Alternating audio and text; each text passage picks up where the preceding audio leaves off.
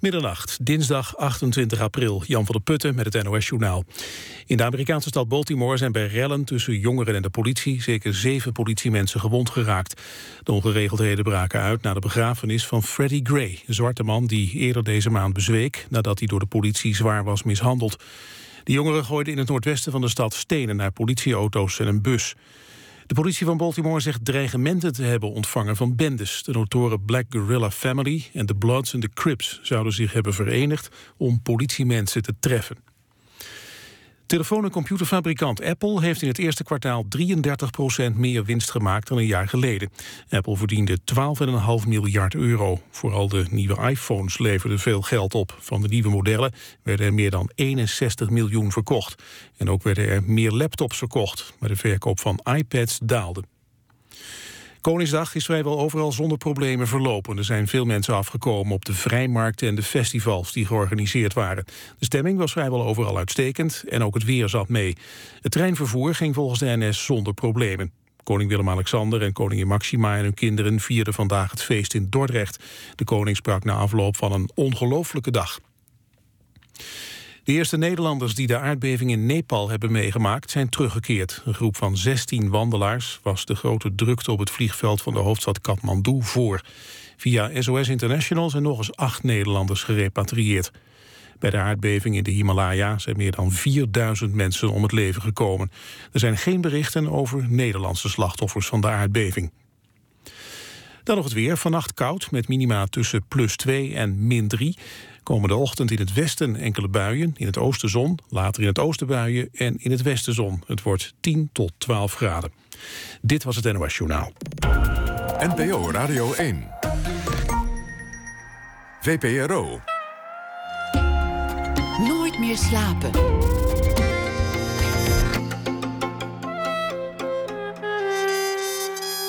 Met Pieter van der Wielen. Goedenacht en welkom bij Nooit meer slapen. Gerard van Emmerik die eh, schrijft deze week elke dag een verhaal voor ons over eh, de afgelopen dag. En dat zal hij na één uur voordragen. Het was Koningsdag vandaag, tevens ook de sterfdag van W.F. Hermans. Reden om eens te kijken naar uh, hoe warm de band eigenlijk was tussen de monarchie en de beroemde schrijver. Maar we beginnen met Koning Chaos. Dat is namelijk de titel van de nieuwe show van Martijn Koning. Hoe zou het moeten zijn om in die man zijn hoofd te moeten leven? vroeg een van de bezoekende journalisten zich al af, of iets van die strekking. Want het is een uh, vrij associatieve show. En het gaat allemaal uh, razendsnel. Over cake, over wintersport, over uh, de liefde, maar ook over actualiteiten. Martijn Koning werd geboren in Zwolle in 1978. Hij wilde ooit rechten studeren, maar daar hield hij mee op om als komiek op te gaan treden. Dat was in 2004. Een lange carrière dus al, maar recentelijk nam die loopbaan ineens een uh, hoge vlucht. Welkom, uh, Martijn Koning. Leuk, leuk weer te zijn. Dankjewel voor het intro. Ja, uh, graag gedaan. Ja, en, dankjewel. Hoe was je dag vandaag? leuk, een beetje uitgeslapen eigenlijk. Dus, hmm. en toen over de vrijmarkt getrokken eventjes. En nog wat dingetjes gehaald. En toen weer terug. Dingetjes gehaald? Ja, nou, mijn vriendin had wat kleding en zo. En we zochten eigenlijk een soort mand voor iets. Maar dat was het niet echt. We waren veel te laat. We waren pas om twee uur. Oké. En dan, dan zijn er mooie dingen voor zover die er ooit gelegen hebben. hebben ja, die zijn, dan, al, die zijn al weg. weg. Maar op een gegeven moment mag, mag je alles gewoon meenemen. Dus dat hebben, hebben we links en rechts ook gedaan. Het was uh, Koningsdag Nieuwe Stijl. Dat, dat, was aangekondigd. Van, van dit jaar gaat uh, onze koning het echt doen op de manier zoals hij dat eigenlijk wil. En, ja, minder interactie met de mensen was, kwam het op neer, toch? Ja, en, en wat strakker. Wat, uh, wat, wat minder koekhappen, wat minder toiletpot gooien. Ja, en, minder met het volk minder met het volk. Heb je er nog iets van meegekregen? Uh, nee, ik heb wel uh, natuurlijk over gelezen en ik wist dat het nieuwe stijl was. En dat vond ik eigenlijk, dat, daar komt eigenlijk op neer dat hij wat minder met de mensen om wil gaan. Tenminste, zo zag ik het. Ja, en er was, er, was aanvankelijk wat kritiek op, omdat hij, uh, er waren dan wel mensen, maar die waren van tevoren gescreend. Ja, dat hij, dat hij, Kon dat maar in het echte leven. ja. dat hij, dat hij bij de bakker, heerlijk. Maar eerlijk gezegd vond ik het wel, ik vond het wel wat, wat ik dacht, ja, het is ook wel beter zo. Mm. Het, de, die, de, de oude stijl, dat werd ook wel erg kneuterig, volks en, en, af en toe ook dat je een beetje medelijden met die mensen kreeg. Dat ze dan, dan allerlei gekke Met de dingen... koninklijke familie? Ja, ik dacht, oh, daar sta je dan. Nou, één dagje, één middag. Ik, denk niet, ik zou niet zo heel snel medelijden met ze krijgen. Nee, ik vond wel vorig jaar viel me op, vooral bij de prinsesjes. Ik zag Amalia kijken naar het volk met een blik van, nou, dat, uh, dat ga ik zo snel mogelijk afschaffen. En toen dacht ik wel, ik denk dat ze het iets minder gaan doen. Dus dat hebben ze nu ook gedaan. We gaan luisteren naar een oud fragment, want, want er, is nog geen, er is nog geen opname van. Je bent heel koningsgezind, of niet?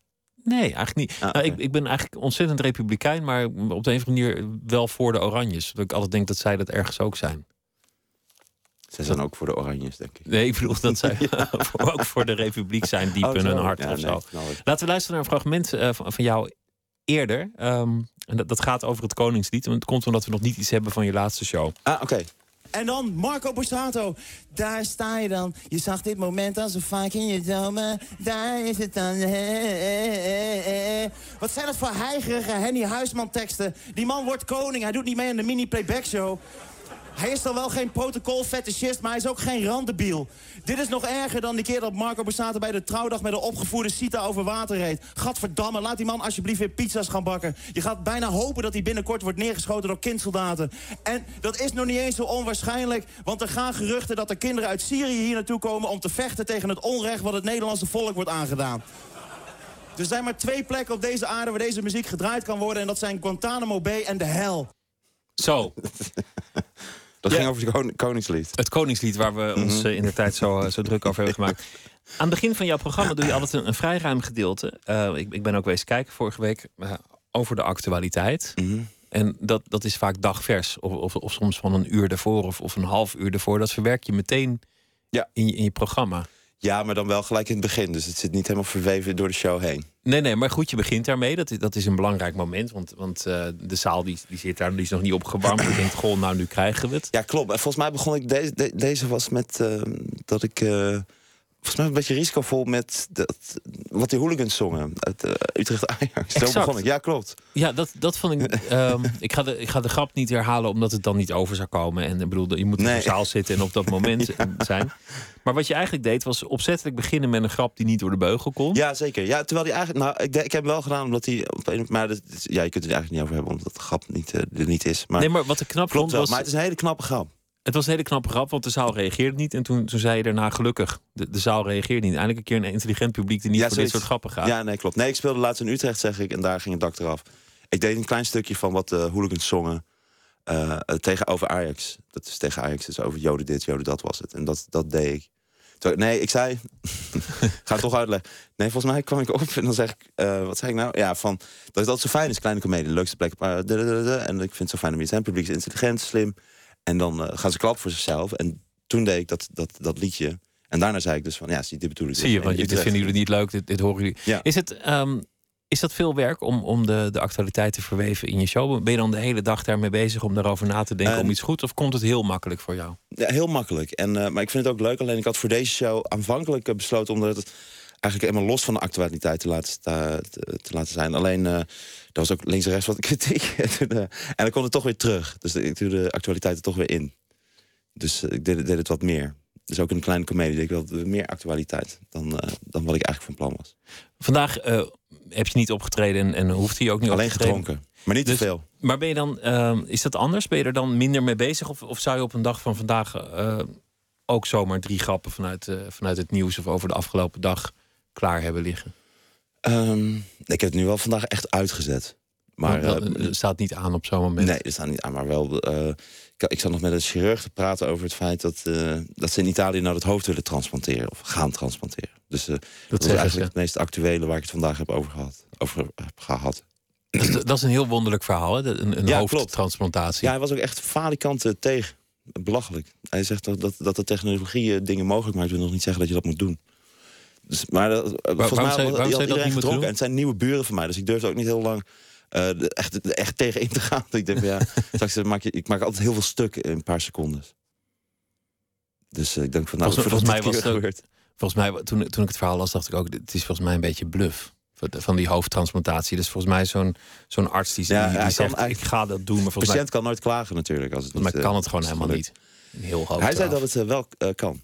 Oh ja? Ja, maar eh, ik denk ook wel dat het kan. Maar ik heb er geen verstand van. Ik denk dat je dat wel goed, eh, goed aan elkaar moet zetten. Ik denk dat dat het belangrijkste is. Als hij er maar niet afvalt. Nee, Koning Dat Chaos. heb je al heet, wel eh, gehad. Hij Koning kan altijd bluffen heet- natuurlijk, dat, dat hij het doet. Gewoon een beetje aanzitten. Ja, maar je hebt toch heel vaak dokters die bluffen dat, dat ze iets gaan doen en dat, dat iets gelukt is en dan blijkt het niet zo te zijn. Dan een mens gekloond of. Hm. Mensen Kan- zijn gekloond, toch? Nee, Oh, niet? nog niet. Oh. Dat is allemaal bluff. Oh, dat was ook... Oh, dat dacht ik altijd. Goed, je nieuwe show heet Koning Chaos. Uh, die Koning Chaos, dat ben jij zelf. Ja, ja. dat, dat uh, was al een beetje duidelijk. Um, hoe moet het zijn om in die man zijn hoofd te leven? Uh, vroeg iemand Heel zich leuk. al verwonderd af. ja. Want de associatie. Met kritische toon waarschijnlijk? Ah, weet ik niet. Maar de, de, waarschijnlijk wel. De, de toon. Nou ja, het was in ieder geval zo dat het een vrij associatieve show is die heel veel kanten op gaat. Het gaat Mhm. razendsnel. Was je eigenlijk altijd al druk? Uh, ja, een beetje ADHD-achtig, maar ook uh, wel aandachtsgeil. Dus, uh, en die snelheid, ik probeer dat soms een beetje terug, terug te zetten. Dat het wat, wat minder snel. Maar ik weet niet, sommige stukjes... Um, ja, ik heb er eigenlijk niet zo heel veel controle over. Ik heb, er zijn verschillende Martijn Konings. Eentje die naast het podium staat, eentje die op het podium staat... en eentje die weer andere dingen doet. En soms gaat het een beetje tegen elkaar in. En door elkaar heen. Ja, en dan uh, bijvoorbeeld uh, dat, dat stukje wat je, wat je net zei, dat begin, dat wil ik eigenlijk helemaal niet doen. Maar toen donderdag speelde ik voor het eerst een kleine comedie. En toen dacht ik van, ja, doe ik toch. Toen kwam ik op. Of nee, dacht ik eerst, dat doe ik niet. En toen kwam ik op, dat deed hem toch. En, en het lijkt alsof er dan twee verschillende mensen zijn. Dus dan kijk ik naar mezelf en denk van, ja, waarom, waarom zeg je, waarom begin je nou, doe je nou toch dat? En dan, ja, zo, ik snijd me redelijk vaak in de vingers ook met uh, dingen. Dus dat komt daardoor. Dat schijnt bij jou te horen. Dat je dat je, dat je, je kop stoot. Dat je, dat je grappen Ja. maakt die verkeerd vallen. Dat je dan ergens een klus hebt dat iedereen boos is. Dat, Ja. je, dat je beroemde mensen als eh, Van Marwijk, de, de, de bondscoach, eh, ineens hebt beledigd ergens een keer. Dit zijn Mm. verhalen die mij ter oren zijn gekomen. Ik weet niet wat er waar van is. Maar het- Niet beledigd. Nee, ik heb wel een keer eh, vrij mislukt optreden op, in, in Zeist. Dat was net... was, daar van- doelde van- ik op, ja. Oh, weet je dat? Ah ja, er waren heel veel journalisten. Oh, ja, dat was voor journalisten Ja, inderdaad. dat- ja, dat- ja, dat- vet gênant was dat zeg. Ja, dat was... eh, Maar het siert je toch ook wel dat, dat, Zeker. dat, dingen altijd misgaat en dat je altijd op je bek gaat? Ja, maar het is meestal kort op hetzelfde. Nee, ik, eh, ik, ik, ik, ik, ga altijd maar. Dus dan, eh, en dan zien we dan wel wat er gebeurt. En dan ga je ook wel redelijk vaak op je bek. En dat, maar het past ook. Het is, het is gewoon precies mijn leven, is het. Alleen nu, nu ga je soms op je bek en dan eh, zien heel veel mensen dat. En dat is eh, toch anders. Dus als je Omdat nieuw, je, nieuw op je bek gaat. dat je meer aandacht krijgt omdat je Ja. carrière een wat hogere vlucht heeft ja, genomen. exact. Ja. Ja. Dus eh, eh, ja, dat krijg je dan. Soms, soms moet ik er wel om lachen ook. Maakt het je zenuwachtig? Ik bedoel, is het een angst? Van, oh, als ik maar niet op mijn bak... Ja? Nee, nee, dat maakt me zeker niet zenuwachtig. Nou, het maakt me niet zenuwachtiger dan normaal. En ja, je, het is, ik denk dat je er veel beter mee leert omgaan. Alleen ik moet nu beter leren om dat, hoe ik dat kan voorkomen. In plaats van dat ik steeds beter word in het mee omgaan. Maar, maar stel, er is zo'n moment, je, je bent op je bek gegaan. Je hebt een grap gemaakt ergens. eh, Nee, maar dat Eh, was, bij Bert van Marwijk ging je niet echt op mijn bek of zo. Maar het, ze- het was, eh, ze vonden het gewoon totaal niet grappig. dat, is een dat is toch ook een vorm van op je bek nee, gaan, ja, toch? klopt. Ja, ik hoor het mezelf uitspreken. Nee, Ja. maar het was... eh, wat was het nou weer? Hij, was, hij deed net zijn maiden speech, Bert van Oostrum van de KNVB. En toen zou ik daarna komen. Maar toen hadden ze toch besloten om eventjes er tussendoor nog eh, wat hapjes en zo. En toen kwam ik in één keer tussen de hapjes, tussen de staantafels... moest ik de journalisten een soort eh, bezighouden, een soort grappen gaan vertellen. En Hans Kraaij junior was er. En toen wilde ik eh, steeds hebben over... Had zo'n ding met Gullit toen. eh, dat ze, dan hadden ze het over een speler die dan niet, of wel of niet werd opgesteld. Want dat had Gullit wel tegen Hans Kraaij gezegd. Maar die ging dat natuurlijk niet op tv zeggen. Dat duurde heel lang. Dus ik dacht van, ik ga een beetje aan verlul zetten. Maar ja, dat is, dat is gewoon een... iedereen mocht hem of ik weet niet. Het ging gewoon helemaal mis. Het was echt verschrikkelijk. Terwijl ik hele leuke grappen had. Maar stel, het gaat mis, hè, dan, dan is het hier een keer. Is, rij je dan naar huis met, met, met een baksteen in je maag? Of, of duik je dan meteen je bed in? Of wrijf je naar de Nee, doe eerst... Nou, het, of schud je het zo van je af? Ja, ja. Kijk, want als je eenmaal weg bent, dan is het eigenlijk al minder. Het gaat gewoon om dat, wat het, ergste wegkomen. is, het wegkomen. Dat, dat, die periode, dat is kut. Dus daar eh, net klaar zijn en dan zo la la la. En dan, ja, ah, was leuk, hè? Een was, bosbloemen van de eh, leuk, organisatie. ah, ja, en eh, ah, niet gênant of zo. Dus dat. dat En dan is, proberen ze snel mogelijk. en dus dan het is eigenlijk wel mooi eigenlijk. Dus als je dan eenmaal weg bent, dan ben je echt van... Oké, daar ben ik weg. En dan ga je pas later denken van... Oh, dat was daar ook nog heel erg kut. Of voor lul. Maar volgens mij, als je cabaretier bent en, en op jouw manier, hè, dus, dus met de actualiteit, grappen die soms een beetje langs de rand gaan, vaak ook gewoon heel, heel leuk en onschuldig zijn, dan moet je dat van je af kunnen schudden, want anders heb je gewoon geen leven. Ik bedoel, als je, als je daar dan de hele nacht van lag te tobben, dan, dan zou je volgens mij een, een ellendig bestaan hebben. Ja, ja. Denk ik. Zo. Ja, nee, ja, ja, ik meestal eh, hele goede dingen, dat vergeet je heel snel. Al het slechte, blijf je langer over nadenken. Dan ga je toch weer aan werken. Dan ga je toch weer iets zoeken of hoe je dat dan weer anders kan doen. Dus. Je zei, ik was wel ADHD als kind. Tegenwoordig zou je dan waarschijnlijk meteen door, eh, door, door de huispsych aan de Ritalin zijn ge- gezet. Ja. Hoe, hoe ging dat bij jou? Ehm, ik was gewoon eh, ontzettend lastig. Ik was eerst heel lief, toen werd ik heel erg lastig. En, eh, maar ik, ik heb drie broers en wij waren toch wel ook wel een soort van de hel voor mijn ouders. eh. En dus, nee, we hebben ook wel we hebben echt riach over de vloer gehad en zo. En dat soort. Mijn ouders konden op een gegeven moment geen glasverzekering meer afsluiten. En, dus dat soort. dat hebben we allemaal gehad. Echt waar dat de verzekering zei, nou is het mooi ja, geweest. De familie ja, Koning krijgt geen verzekering nee, mee. Ja, nee, dat, dat klopt. En we, we gooien ook met heel veel dingen. En ja, en als een beetje wel aparte familie. Maar heel veel, heel veel humor. En we losten eigenlijk alles op met humor. Dat doen we nog steeds. Maar je hebt, je hebt niet een, een soort standaard uh, pad gevolgd van dat je, dat je al als tiener op een podium stond en dan naar de Kleinkunstacademie ging en dan later besloot om, nee. om er een vak van te maken. Dat is bij jou heel anders gegaan. Ja, maar ik heb wel, um, als ik terugkijk, denk ik wel, het zat er wel allemaal dik in. Dus echt ook voor de spiegel staan met een microfoon en uh, heel veel, heel veel kijken op televisie. En achteraf, ja, ook vaak bijvoorbeeld opdracht voor muziek. Toen op de middelbare school, toen hadden we ook op een gegeven moment een cabaretstuk gemaakt. Dus ook met, met twee vriendjes of drie vriendjes hadden we het gedaan. Ik kreeg ook een tien, een tien kregen we toen. Dat is het hoogste cijfer wat ik ooit op school heb gehaald ongeveer. En uh, dus achteraf zat het er veel meer in, maar ik wist helemaal niet dat dat kon op die manier. Ik dacht ook, je hebt kleinkunst en dan ga je naar een theater. En ik liep op een gegeven moment langs het Comedy Café, stand-up podium. En uh, toen dacht ik van, oké, okay, dat ga ik zeker doen. En toen ben ik een week later meteen gaan spelen. En eigenlijk nooit meer vanaf gekomen. Dus je, je was in Amsterdam om uh, ja. Rechten te studeren, geloof ja. ik, aan, aan de VU? Ja, ja, die middag niet. Toen was ik, die, die middag niet. En toen liep je daar langs, je dacht, goh, dit wil ik eens doen. Ja, ik dacht als bijbaan, lijkt me fantastisch. Want ik schreef altijd wel gedichten en dingetjes en ik tekende heel veel. En ik was altijd wel bezig met humor op allerlei andere manieren. En toen dacht ik, ja, dit is een perfecte bijbaan, hier kan ik uh, geld mee verdienen. Of in ieder geval als bijbaantje, maar in het begin verdien je helemaal niks. Maar het, ze vonden het meteen goed dat je daar ging staan met de microfoon in je hand. Zodat uh, nee, iedereen mag maar. daar staan. Dat is de, dat is ja, de essentie. Ja, ja, en als je wordt uitgefloten, dan heb je het zelf gedaan. Ja, ja en ik weet nog dat ik helemaal stil viel drie, drie keer. Helemaal stil. Ik had ook helemaal niet verwacht dat er zulke felle lampen op stonden. Dus je komt in één keer op en niks. Het licht is zo fel, je ziet al die mensen helemaal niet. Dus dat, was, dat was een heel apart, aparte ervaring. En toen bij de tweede keer was ik ook een stuk zenuwachtig. Dat zie je ook bij mensen die net beginnen, zeker in stand-up. Dat ze dan de eerste keer durven ze het wel, want dan weet je niet wat je overkomt. En dan bij, bij twee, drie, dan wordt het al wat min. En dan op een gegeven moment krijg je dus een paar keer dat je keihard op je bek gaat. Dat echt niemand lacht. En dan, uh, en dan stoppen ze, of dan gaan ze door. Dat is altijd zo'n breekpunt. En uh, ik ging gewoon stug door. En toen uh, op een gegeven moment ging, het, ging het steeds beter. En, en wat was het moment dat je dacht, nu, nu wordt het mijn bestaan. Nu, nu stop ik met mijn studie en nu ga ik hier ja, gewoon een beroep van meteen maken. toen. Meteen, na Ja. het eerste optreden al. Ja, eigenlijk achteraf wel. En eh, het gaat heel langzaam. Op een gegeven moment eh, kwam ik bij Comedy Train. En toen vroeg Micha Wertheim of ik voor eh, Dit Was Het Nieuws wilde schrijven. Toen ging ik Dit Was Het Nieuws doen. Daarvoor had ik ook met Groningen meegenomen. Was ik Daniel Aans tegengekomen. Die zei van kom anders bij Comedy Train. Dus ben ik bij Comedy Train gaan spelen. En, eh, en toen ben ik voor allerlei ook voor programma's gaan werken. En ook omdat ik actualiteiten toen al deed. Toen ging ik dus snel naar Dit Was Het Nieuws. En allemaal actualiteitenprogramma's waar ze grappen voor nodig hadden. Toen ging ik grappen schrijven. Had je, had je een soort plaatje, een soort, een soort droom waar je... eh, Ja, ongeveer wel. En eh, het is ook wel echt een soort schema waar ik op een of andere manier toch wel steeds eh, nu. ja, nu loop ik voor. Dit had ik allemaal, al, dingen die ik allemaal nu had ik niet verwacht. Maar nee, dat, het is wel precies zoals ik het wilde, laat ik het zo zeggen. het komt uit. Ja, nu. ja. ja, wat soms heel moeilijk is. dat als je bepaalde dromen najaagt en je hebt ze in één keer en dan. Ja, De laatste jaren is, is het enorm snel gegaan. Ja, klopt. Eigen show en eh, lof en kritiek en alles tegelijk. En, heel veel eh, kritiek, eh, een beetje lof. Daar komen we straks misschien over spreken, want, want daar is iets in- Een interessants. bak kritiek met een vleugje lof. Nou ja, nou, de hele zaal lag dubbel. Nee, ja, zo. Maar ik bedoel het over het algemeen. Ik maak het ook overdrijft ook een klein beetje. Maar is het is dan nu dat je ook een soort Stukjes lof. euforisch gevoel hebt? Of Nee, nooit. nee? Nee, nee, altijd meteen weer depressief. Het gaat heel snel. Ja, Zit in je karakter. ja, blijkbaar. Ja. Er moet altijd een soort zorg omheen. Want ik heb nu ook. ehm, eh, eh, ik ben echt een drama met allemaal dingen en zo. Nu worden heel veel dingen voor mij opgelost. Mijn, mijn vriendin en mijn vader die, eh, die regelen heel veel dingetjes voor mij. En, en dus ik heb eigenlijk. Ik, heb, ja, weet je, ik ben ook nog studiefinanciering afbetalen en zo. Ik heb zoveel shit. En dat, dat zijn allemaal dingen die ik kan. Daar word ik nu heel erg bij geholpen. Dus ik heb eigenlijk weinig zorgen nu. Maar, en dat eh, trek ik minder. Dus er moet toch altijd weer. Er moet een soort zwaard van Damocles op wat voor manier dan ook boven me hangen. Dat, dat, dat vind ik prettig op een of andere manier. Ik weet niet waarom. Daar functioneer je beter bij. Ja, onder druk en eh, met, eh, met rare dingen. Dus dan zoek je het ook een beetje op Nou waarschijnlijk. ja, waarschijnlijk wel, ja. ja. En het overkomt me ook. Dus eh, altijd vreemde situaties, dingen dat er gebeurt gaan. Ja.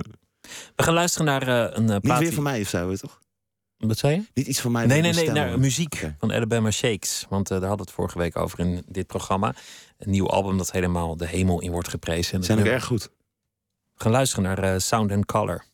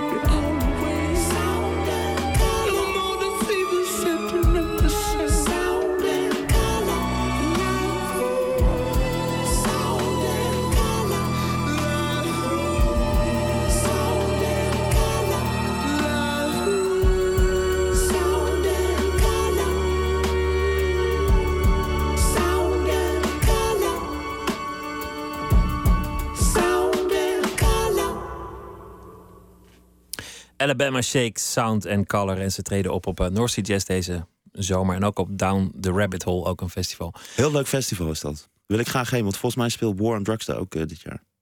Dat, de, de, daar hadden we het net over tijdens die platen. Dat vorig jaar uh, de, de plaat van het jaar was oh, benoemd. ja, nee, door, ik wist het al een jaar daarvoor. nee, ik bedoel in december met die oh, zo. eindejaarslijstjes... dat die, dat, dat Ja. ineens uh, boven kwam, kwam drijven. Um, je zei net allerlei dingen gebeuren mij. Uh, vaak, vaak stress, vaak onverwachte dingen. Je was eind vorig jaar um, in het nieuws... want er was een, was een soort akkefietje geweest... Ja. met een collega cabaretier, uh, Javier Guzman... die met uh, een compaan naar aanleiding van een meningsverschil... een zakelijk meningsverschil... wie nou precies op de gedachte was gekomen... om een, een show tussen Ja, Sinterklaas dat is niet en Oud en Nieuw- meningsverschil. Was gewoon, uh, ik ging gewoon dit ding doen. Wist ik veel dat dat uh, helemaal hij was, hij was pissig. Hij stond bij jou op de stoep Ja, en, en kwam, ja. kwam verhaal halen. Uh, aangifte gedaan. Jij uh, bij Pauw kwam uitleggen wat er was, was ja, gebeurd. Daar heb ik laatst nog op moeten lachen dat ik daar uh, zat. Ja, toen was ik zo overspand, was ik zo gestrest. Dat was een hele weird ervaring.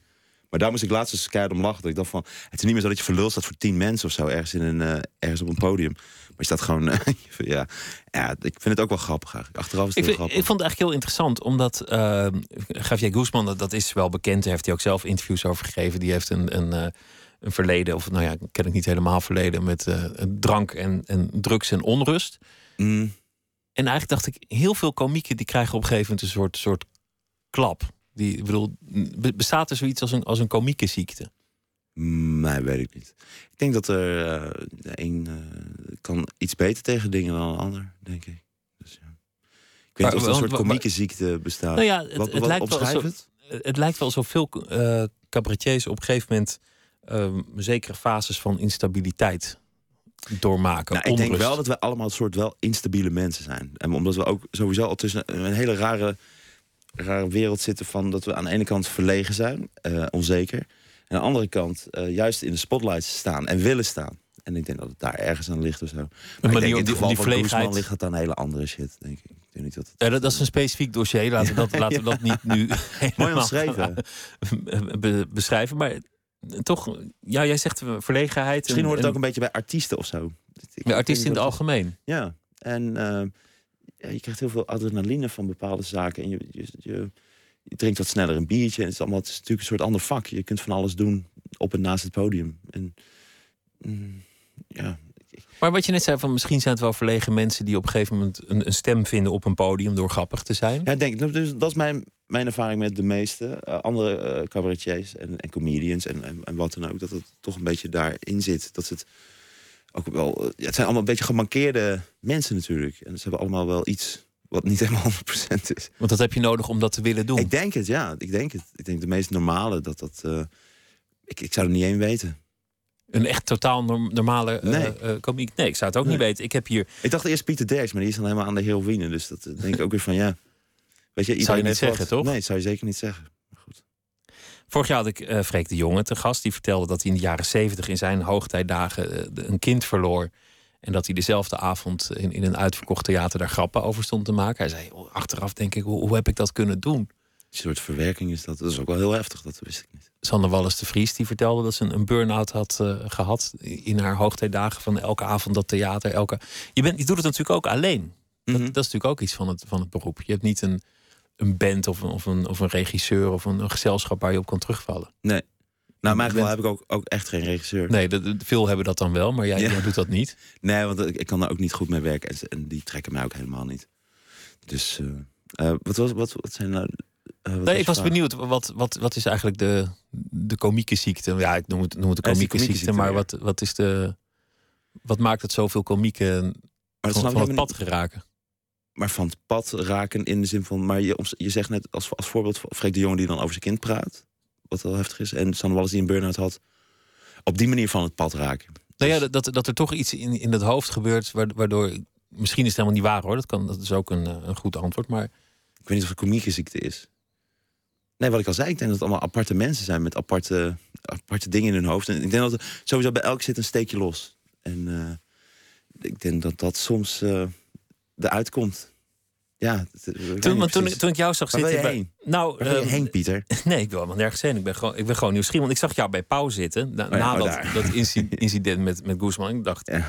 goh, de- deze jongen die, moet- die moet eventjes... Die moet een- even opgenomen worden misschien. nou, nee, klopt. een weekje vakantie had al wonderen gedaan. Ja, dat zou Toch? Ja, zeker. Maar daar was, eh, daar was ook geen tijd voor. Dat maakte het zo eh, moeilijk. Maar daarom heb ik nu ook, ook bijvoorbeeld met deze show. Dit was, eh, ik, ik ben wel toe aan vakantie, laat ik het zo zeggen. Want ook, en dat Guzman-ding. En daarna moest die Sinterklaasconferentie natuurlijk worden gemaakt en opgenomen. Dat heeft natuurlijk een extreem obstakel eh, opgeleverd. Want het was anderhalve maand uit. Want het was, er was zoveel dingen gebeurd. En eh, er zijn zoveel mensen betrokken bij geraakt op allerlei manieren. Het was ook natuurlijk een poging Want tot, soort van, stond, soort, soort van hij stond bij jouw huis hij, om zes uur 's Nou ochtends. ja, de, het hele voorbeeld doet het niet toe, maar... Nou, ik was- zal het heel kort zeggen, anders, anders volgen mensen het niet. Hij stond bij jouw huis om zes uur 's ochtends, wilde binnenkomen. Bedreigde jou met een soort elektrisch eh, eh, stroomstootwapen. Nou, met een boos. stroomstootwapen, ja. En, en zei van, je, je gaat eraan, je gaat eraan. Ja, dat is, gas dan, is ook heel groot. eh, dus eh, ja, dat is hoe jij het vertelde bij, bij Paul Ja, in de tijd. Ja. maar dan heel omslachtig en weird had ik dat verteld. Nee, dat klopt. Maar er waren ook nog eh, dat ik dat dan niet zou moeten doen. Anders zou de informatie naar buiten worden gebracht. En, weet ik veel wat. en dat is ook gebeurd. En daar zijn natuurlijk heel veel mensen bij betrokken geraakt. En dat is heel zielig en klein en naar. Maar het is wel gebeurd. En daar moest heel snel mee worden omgegaan. En dat heeft... eh, eh, ja, veel, veel brokstukken veroorzaakt, laat ik het zo zeggen. Want ik had ook al meteen besloten, ook al eigenlijk op dat moment zelf, van ja, ik maak ook grappen over van alles, van IS tot schiet me op. En eh, ik denk van ja, als ik me nu al meteen eruit laat chanteren, dan eh, heb ik ook geen leven meer. Dus dat gaan we zeker niet doen. Dus Nee. wel een groot risico. Ik weet niet of ik het achteraf ook zou had gedaan. Nee, maar je hebt, je hebt er, ik bedoel, het, het was niet de volgende dag weg. Zo, zoals je net nee, zei. nee, nee, van, nee, eh, omdat het natuurlijk, het was een sneeuwbaleffect van je welzijn. Want er werden eh, ontzettend veel mensen raakten daarbij betrokken. En eh, dat heeft een tijdje geduurd. En daarna moest natuurlijk eh Sinterklaasconferentie gemaakt worden, opgenomen.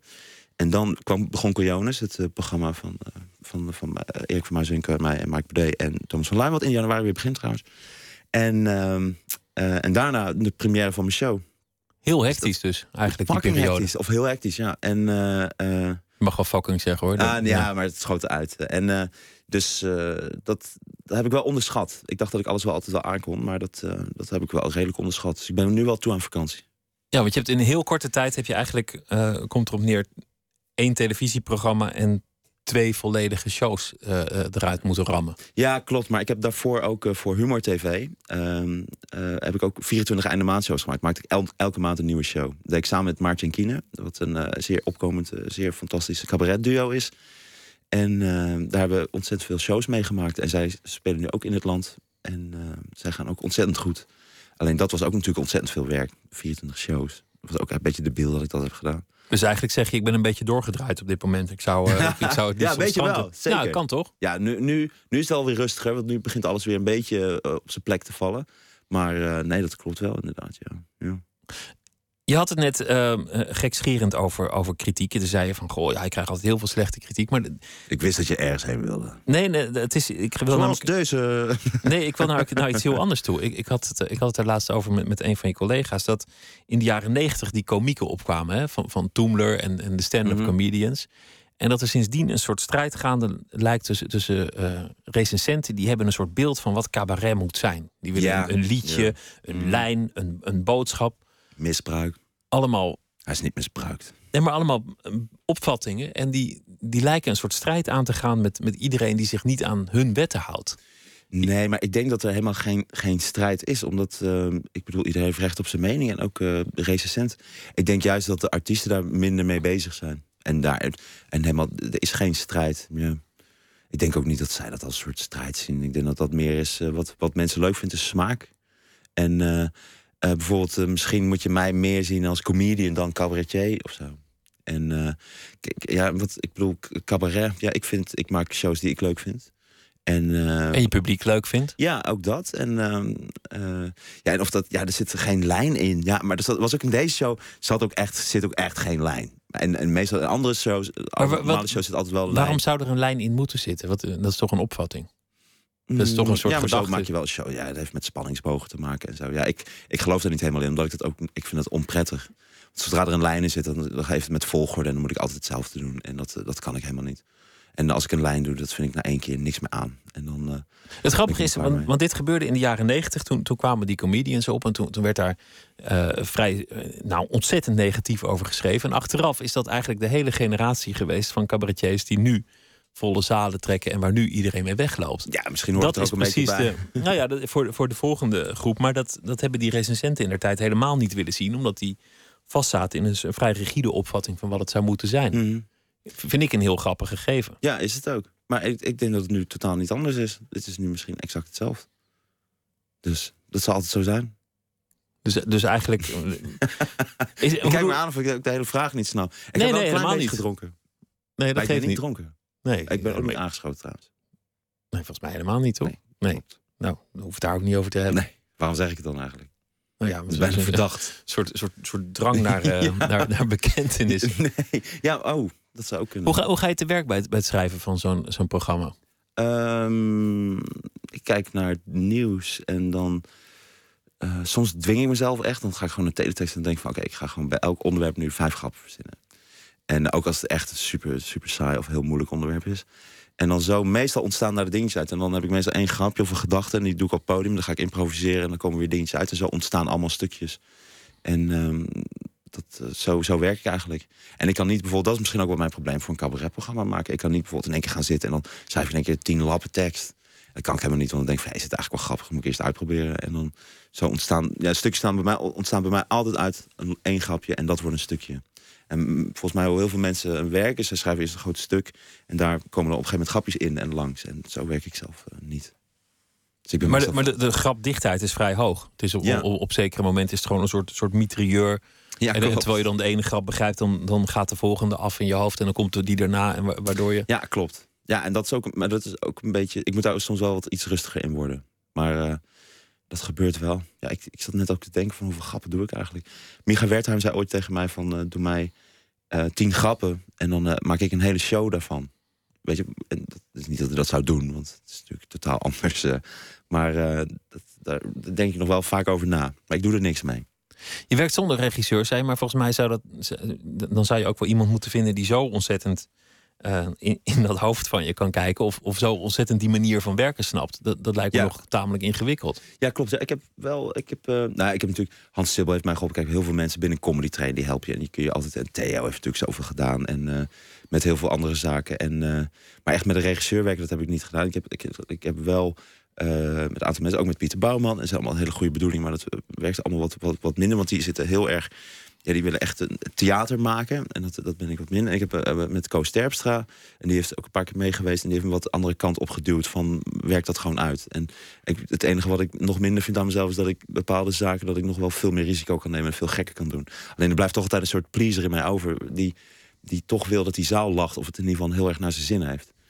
Dus eh, ik neem wel veel risico, maar zodra het echt op entertainen aankomen van de zaal gaat, dat staat altijd op één. Dus dan zou ik toch eerder sneller verzanden in, iets ouders of iets zo van: oké, ik moet die mensen weer terugpakken, dan dat ik helemaal een hond na ga doen anderhalf uur. Wat je met sommige try-outs gewoon kan doen. Ik kan gewoon een hond nadoen voor anderhalf uur, of weet ik veel wat, of kat. Doe ik dan niet, maar kan wel. Het is try-out. Maar dan, ga ik toch weer eh, grappen maken of zo. En ik kom ook uit het stand-up, dus ik, ik, als ik geen lach hoor, dan eh, loop ik gewoon vast. Want stand-up is natuurlijk eigenlijk in die zin een, een heel directe wereld. Want je hebt zoveel minuten om, om die zaal te grijpen. Het is vrij Ja. meedogenloos. Ja, ja. Mensen zijn ook een beetje half geconcentreerd. Ik bedoel, die, die- Soms wel. Maar vooral meedogenloos. of- Dat is het, eh, ja. En daar ben ik wel, dus ik zit daar heel erg op, op die timing ook. Dus als ik niet een lach krijg, en dat moet op een of andere manier eruit. Dus dat het eigenlijk dat ik die controle heb, in plaats van dat ik dat eigenlijk aan de zaal geef. Dat is eigenlijk wat er gebeurt. Dus ik geef eigenlijk de controle over mij, geef ik aan de zaal.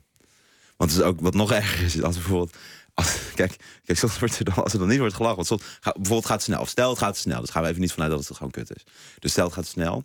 En dan lachen mensen minder omdat ze gaan luisteren. In plaats van dat ze denken, als ik lach, dan krijg ik minder lach en dan ga ik nog sneller.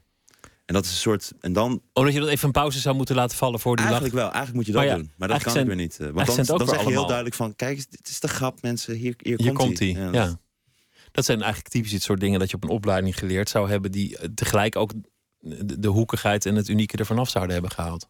Ik denk het wel, maar die hadden dan ook het, eh, het, het fantastische en het, eh, en het rauwe ervan afgehaald. Dat, is ook, dat zou zonde zijn geweest.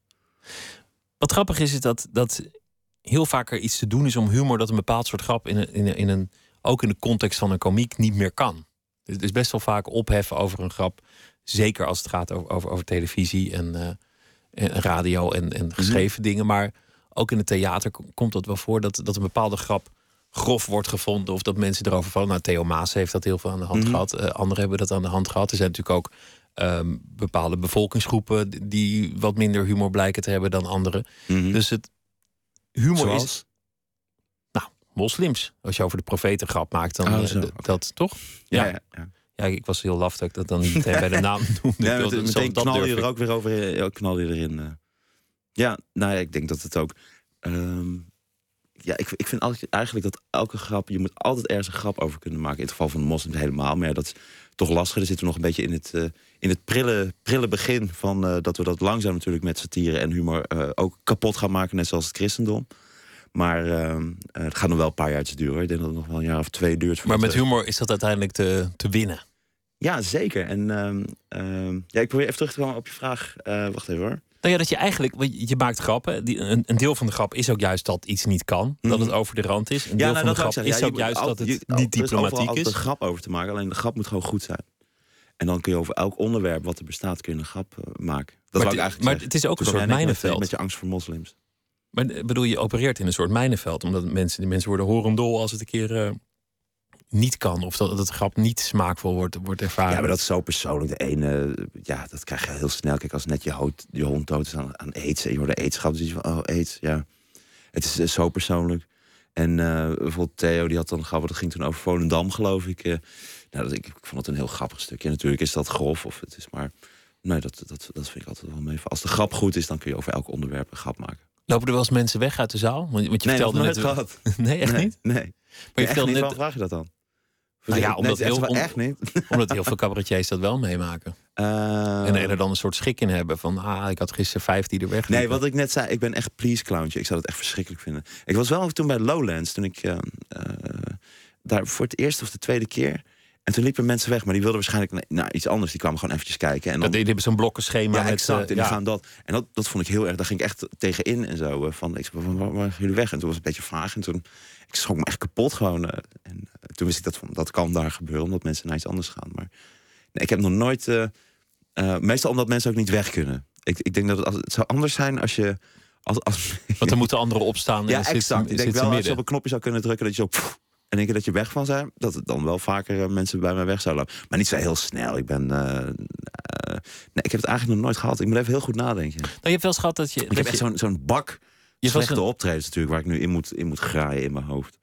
Nou, doe maar niet, dat, want dat- dan zit je hier helemaal, helemaal gedeprimeerd aan tafel straks. Nee, Maar zit ik nooit. je, hebt wel, je hebt wel eens ehm, een grap gemaakt, geloof ik, over, eh, over pedofilie in de wereld draait door. Volgens mij landen die niet helemaal goed bij nee, ik zeg ook wel eens, eh, dat was niet om over naar huis te schrijven, maar dat hoeft ook niet, want mijn ouders die keken. Dus ik had. eh Dus je hoeft dus niet te schrijven. Nee. nee, klopt. Maar ja, dan kan gebeuren, toch? Ja, nou ja, goed. Ik vond dat een heel grappig stukje. En eh, nog steeds. En, ja. ja, het ging. Ik vond het een hele goede. Ik wist niet meer precies hoe die grap ging. Maar het was ook nog. die had ik ook nog echt heel goed voorbereid. En eh, ik had veel stukjes ook uitgeprobeerd. En dat werkte toen heel goed. Maar daar is natuurlijk de setting anders. Ja, ik weet nog dat mijn vader zei dat ze gewoon echt met open mond keken ze naar de televisie. Alleen ik zat toen ook in een soort high-periode van. Ik vond mezelf echt fantastisch. En eh, ik deed toen ook Doe maar normaal. En, eh, en natuurlijk ook nog Spijkers met Kop, wat ik ook nog doe. En toen vond ik het soort kick. Schreef ik ook nog voor Dit Was Het Nieuws. Dat deed ik allemaal in één week. Ik van, oké, dan doe ik alles. En dan eh, ben ik en op tv en op de radio. En ik ben een dag later En dan in mijn zit je, zit je een soort Ja, wilde roes. alles, alles, Ja. alles. En eh, dat, was, eh, dat werkte helemaal niet. dus ik had beter kunnen focussen op één ding. Dat is heel belangrijk. Een wijze les was dat. Focus op één ding. Ik doe het nog steeds niet, maar het is wel, het is wel de weg vooruit. Nee, joh, het past bij je dat je niet binnen de lijntjes kleurt en, en af en toe uitglijdt en, en dingen Ja. op die manier doet. Ja, dat is nou, gewoon jouw wel. manier. Ja, ik denk het wel. Ja, vallen en opstaan. Het, zou minder leuk en minder Zo spannend repareert mijn, zijn. computer, mijn broertje ook PC's. Hij, is, hij heeft heel veel verstand van, maar hij is ook meer van het uitproberen. En dan, en dan, oh, en dan moeten we dit even doen. En dan, Nee, en voor. PC's repareren moet je wel ordelijk en gepland zijn, maar voor Hij cabaret volgens mij niet. We gaan luisteren naar nog iemand die, eh, die besproken werd in het programma. Hij was zelfs de gast vorige week. Anne Soldaat, nieuw album. Talks Little Kills Many. En eh, we gaan luisteren naar een nummer Gates of Pearl.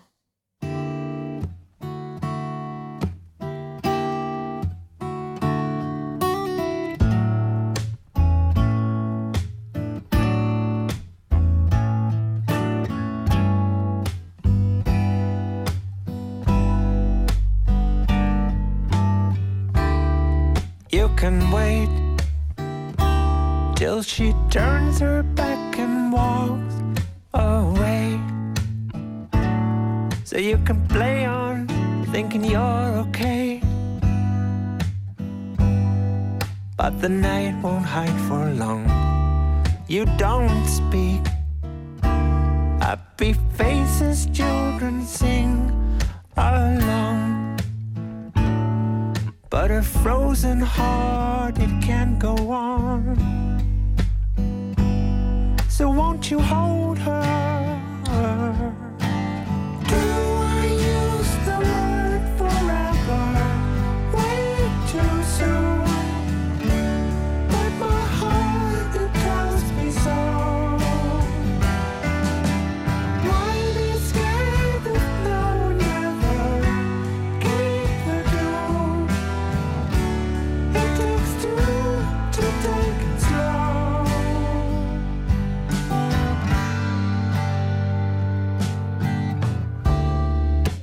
Can wait, but a second take will never come. And you'll be out there so all alone. And the fear won't hide for long. You're a freak when she opens up the gates of pearl. And you tell her just another world. And it was made for you.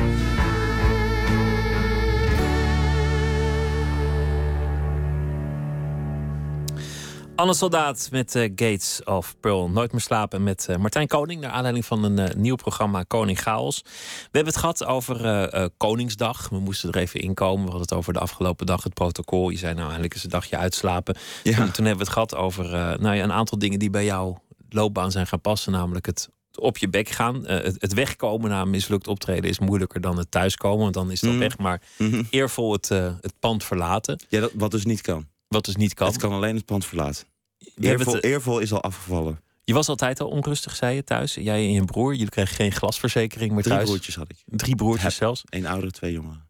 Zie je, ik had beter moeten luisteren. En Ja, ehm, eigenlijk wilde je rechten gaan studeren omdat je niet wist dat het mogelijk was. Achteraf denk je, ja, was het er altijd al. Vanaf je eerste optreden dacht je, Ja, als dit ik dat had geweten, toekomst. dan was ik wel, had ik zeker kleinkunst gedaan. Maar dat, dat wist ik helemaal niet. Was ik ook helemaal niet mee bezig. Maar ik, ik vond het ook vroeger ook geen baan. En meteen na gewoon- dat eerste optreden dacht je, dit, dit, dit wordt mijn Nou, carrière. eigenlijk toen ik het ging kijken, want we liepen er langs. eh, en toen ging ik binnen kijken. En toen, toen dacht ik al meteen oké, dit ga ik zeker doen. En toen een week later, daarom heb ik me toen meteen ingeschreven op het open podium.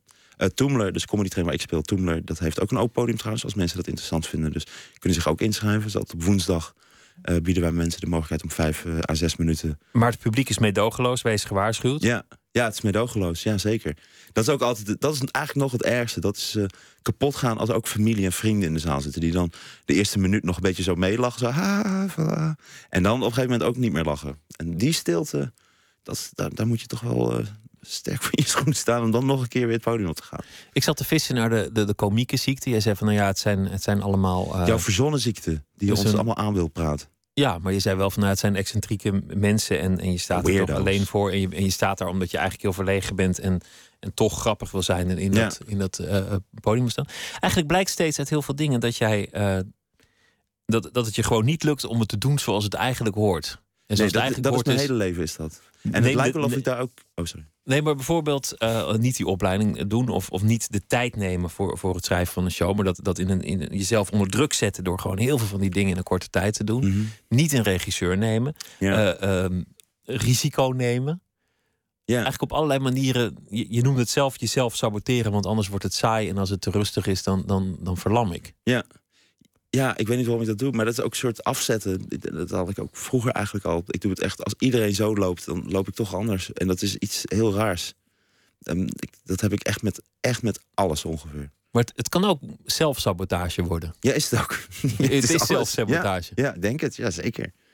Ja, dat is... eh, ja, ik weet niet waarom. Misschien is het ook wel een soort van... Dat je dan kan zeggen van... Zo van, ja, ik had het inderdaad zo moeten doen.